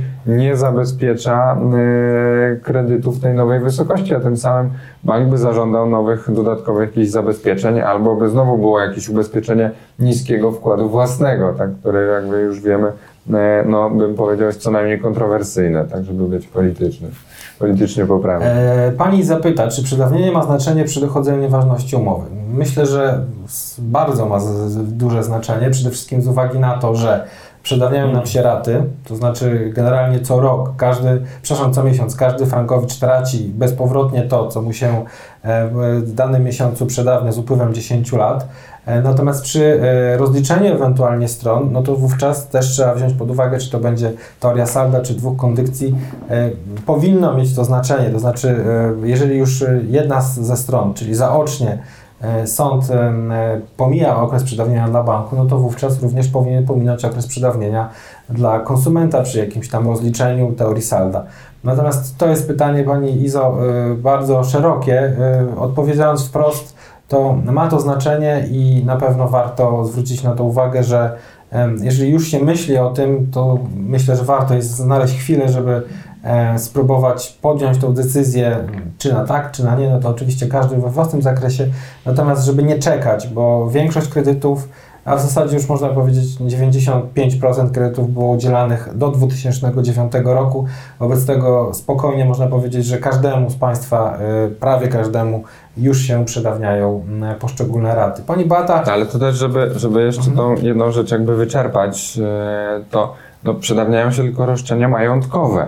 Bo nie przedawnia się sam fakt, że umowa jest nieważna. To jakby stwierdzić, że umowa jest nieważna możemy za 20, 30, 40 lat. To jakby nie zmienia tego faktu, że ona jest nieważna i sąd ewentualnie powinien to stwierdzić. Przedawniają się tylko te roszczenia majątkowe z nim związane. Tak, no, to, tak, no oczywiście. to chyba będziemy mieli wyczerpane. E, Pani Beata, y, bardzo podobne dwa pytania. Jedno em, z kartki. Czy podpisanie ugody z bankiem pod wpływem przymusu, rozumiem, ekonomicznego, bo re- rozumiem, że e, nie pod wpływem windykatorów banku, tylko po prostu jakiegoś przymusu ekonomicznego, zmniejsza szanse na wygrania sprawy? I drugie pytanie tutaj już z czatu.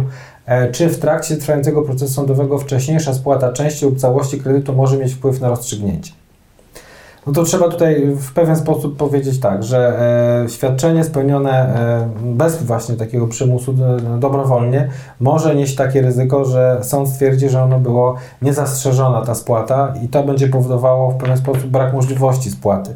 Natomiast tutaj pani Beata sama już podkreśla, że było to w pewien sposób, e, czy nawet ugoda była zawarta pod wpływem jakiegoś przymusu w domyśle ekonomicznego, czyli ta spłata nawet e, częściowa, czy, czy podpisanie ugody, jeżeli to był wynik e, okoliczności wynikających z nazwijmy to no, kontrowersji, które bu- budził ten kredyt, czy też niemożliwości jego spłaty, e, no bo też spłata części kredytu może e, implikować w to, że e, jednak klient chce się pozbyć częściowo tego ryzyka poprzez spłatę części zadłużenia, więc e, generalnie e, tak, e, można odpowiedzieć, że wcześniejsza spłata może mieć wpływ na rozstrzygnięcie, natomiast znowu, trzeba to indywidualnie przeprocesować, przemyśleć strategię i czy to faktycznie w tym przypadku, jak pisze pani Beata, było faktycznie pod wpływem jakiegokolwiek przymusu.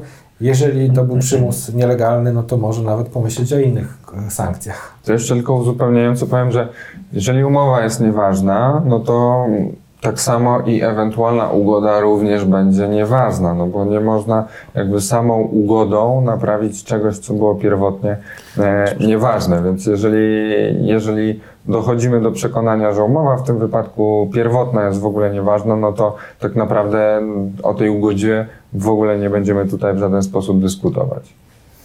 Okej, e, myślę, że e, dosyć dużo już dzisiaj em, poruszyliśmy kwestii, wyczerpaliśmy e, również pytania, które e, klienci nam em, zadali.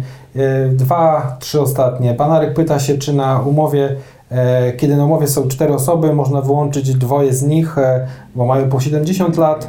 E, No właśnie to, co wcześniej mówiłem, e, kredyt dzie- dziedziczony, e, na pozostałe dwie młodsze osoby.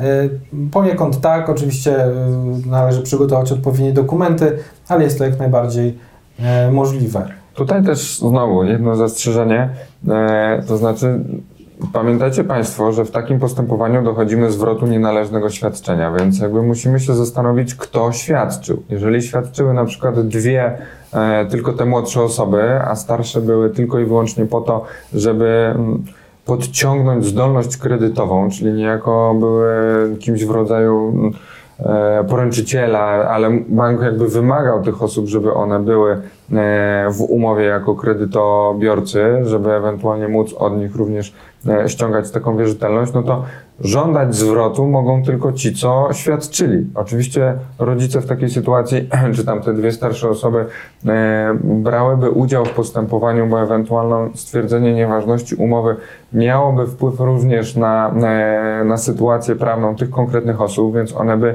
brały udział w tym postępowaniu jako interwenienci, natomiast e, Natomiast mogliby się nie przyłączać, tak? To znaczy nie, mogłyby nie brać faktycznie udziału w tym postępowaniu. Jeżeli by nie wzięły udziału w tym postępowaniu, to, e, no to uznaje się po prostu, że to i tak będzie e, to postępowanie miało dla nich e, skutek i najwyżej nie będą mogły podnosić w następstwie tego jakichś tam zarzutów. Natomiast jeżeli jest tak, że świadczyły tylko dwie osoby, albo nawet jeżeli świadczyły cztery, no to przecież można zawrzeć jakąś umowę cesji, czy można jakoś przenieść te wierzytelności, czy też tak jak tutaj był przykład wskazany, udzielić pełnomocnictwa, tak, ale to i tak najprościej jest po prostu udzielić pełnomocnictwa procesowego e, i wtedy taka kancelaria na przykład jak moja reprezentuje czworo kredytobiorców, tak, i to nie ma problemu, żeby jeden pełnomocnik reprezentował większą e, grupę osób, o ile ich oczywiście interesy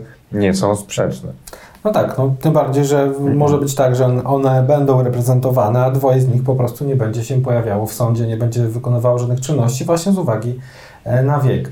E, no cóż. E, to jeszcze tylko to ostatnie, bo widzę Panie Mirosławie, to, to jest ciekawe, że kredyt jest spłacony częściowo w złotówkach, częściowo we frankach. Mhm. To e, mówiliśmy o tym już kilkukrotnie, natomiast to jest o tyle, e, nawet bym powiedział, korzystna sytuacja, bo jeżeli sąd stosuje teorię salda, to. E, lub to, coś podobnego. Lub coś podobnego, no to franków które zostały spłacone na poczet zobowiązania w złotówkach, nie można zaliczyć na, e, na te złotówki, które zostały wypłacone, a tym samym franki powinny podlegać zwrotowi. E, i może być ta kwota, która ostatecznie zostanie zwrócona po prostu w takiej sytuacji e, większa, tak? Natomiast to też, czy został spłacony e, w całości, no to tutaj trzeba byłoby się zastanowić, czy to było przed czasem, czy to było z uwagi na jakiś przymus ekonomiczny, czemu to zostało dokonane. Co do zasady, nie wyłącza to możliwości dochodzenia roszczeń. No, kredyt mógł na przykład na 10 lat, tak? Już mógł być spłacony. E, zaraz Państwu napiszemy jeszcze mm, adres bloga, gdzie mogą Państwo informacyjnie sobie e, wejść i jakbyśmy mogli poprosić tutaj administratora wpisać adres bloga Życie bez kredytu, bo na pewno nie będziemy w stanie Państwu odpowiedzieć na wszystkie pytania. Natomiast e, jeżeli no, Państwo... Tym bardziej, że już prawie dwie godziny. Tak, no już, już, już dwie godziny. Nie chcemy Państwa też za bardzo męczyć, tym bardziej, że wydawać by się mogło, że seria jest bardzo mm, popularna e, i, i Państwo proszą o, o, kolejne, więc e, zakładamy, że w przyszłym roku również będziemy w stanie poprowadzić kolejne webinary. I generalnie rzecz ujmując też mam nadzieję, że informować o coraz to mm, lepszym orzecznictwie, a może jeszcze innych ciekawych rzeczach, które będą miały miejsce. Mhm. E, chyba podziękujemy. E, powiem już Państwu dobranoc z uwagi na zbliżające się święta. E, ze swojej strony życzę Państwu przede wszystkim tego, żebyście Państwo spędzili spokojnie z rodziną. Jeżeli Państwo myślą o tym, co zrobić ze swoim kredytem, to też to jest myślę, że dobry czas przede wszystkim z uwagi na to, że jak sobie tak myślę o ludziach, którzy przez 10-12 lat faktycznie harują, mówiąc wprost, y, i, i, pracują po to, żeby spłacać tylko te raty i nie mają wyjścia w zasadzie żadnego. Takich ludzi mnóstwo trafia i te okoliczności są bardzo często przestawiane, to może warto jednak zastanowić się, czy, czy nie lepiej dać spokój sobie i rodzinie z tym kredytem i przynajmniej spróbować dochodzić swoich roszczeń, a nie cały czas gonić za tym, żeby ta praca była wykonywana na ponad możliwości, chociażby ludzkie, e, żeby tylko i wyłącznie jedyną rzeczą, którą robić, to było to, żeby bank otrzymywał te pieniądze, które, jak wydaje się w wielu przypadkach, nienależnie sobie e, pobiera, bo oczywiście już nawiązując do tego, że bardzo często bank potrąca to sobie automatycznie z wypłaty. Także wesołych świąt z mojej strony. Również wesołych świąt, spokojnych przede wszystkim. Tak, i e, zapraszamy ewentualnie na kolejne webinary. Dzisiaj się żegnamy. Dobrej nocy. Do widzenia. Do widzenia.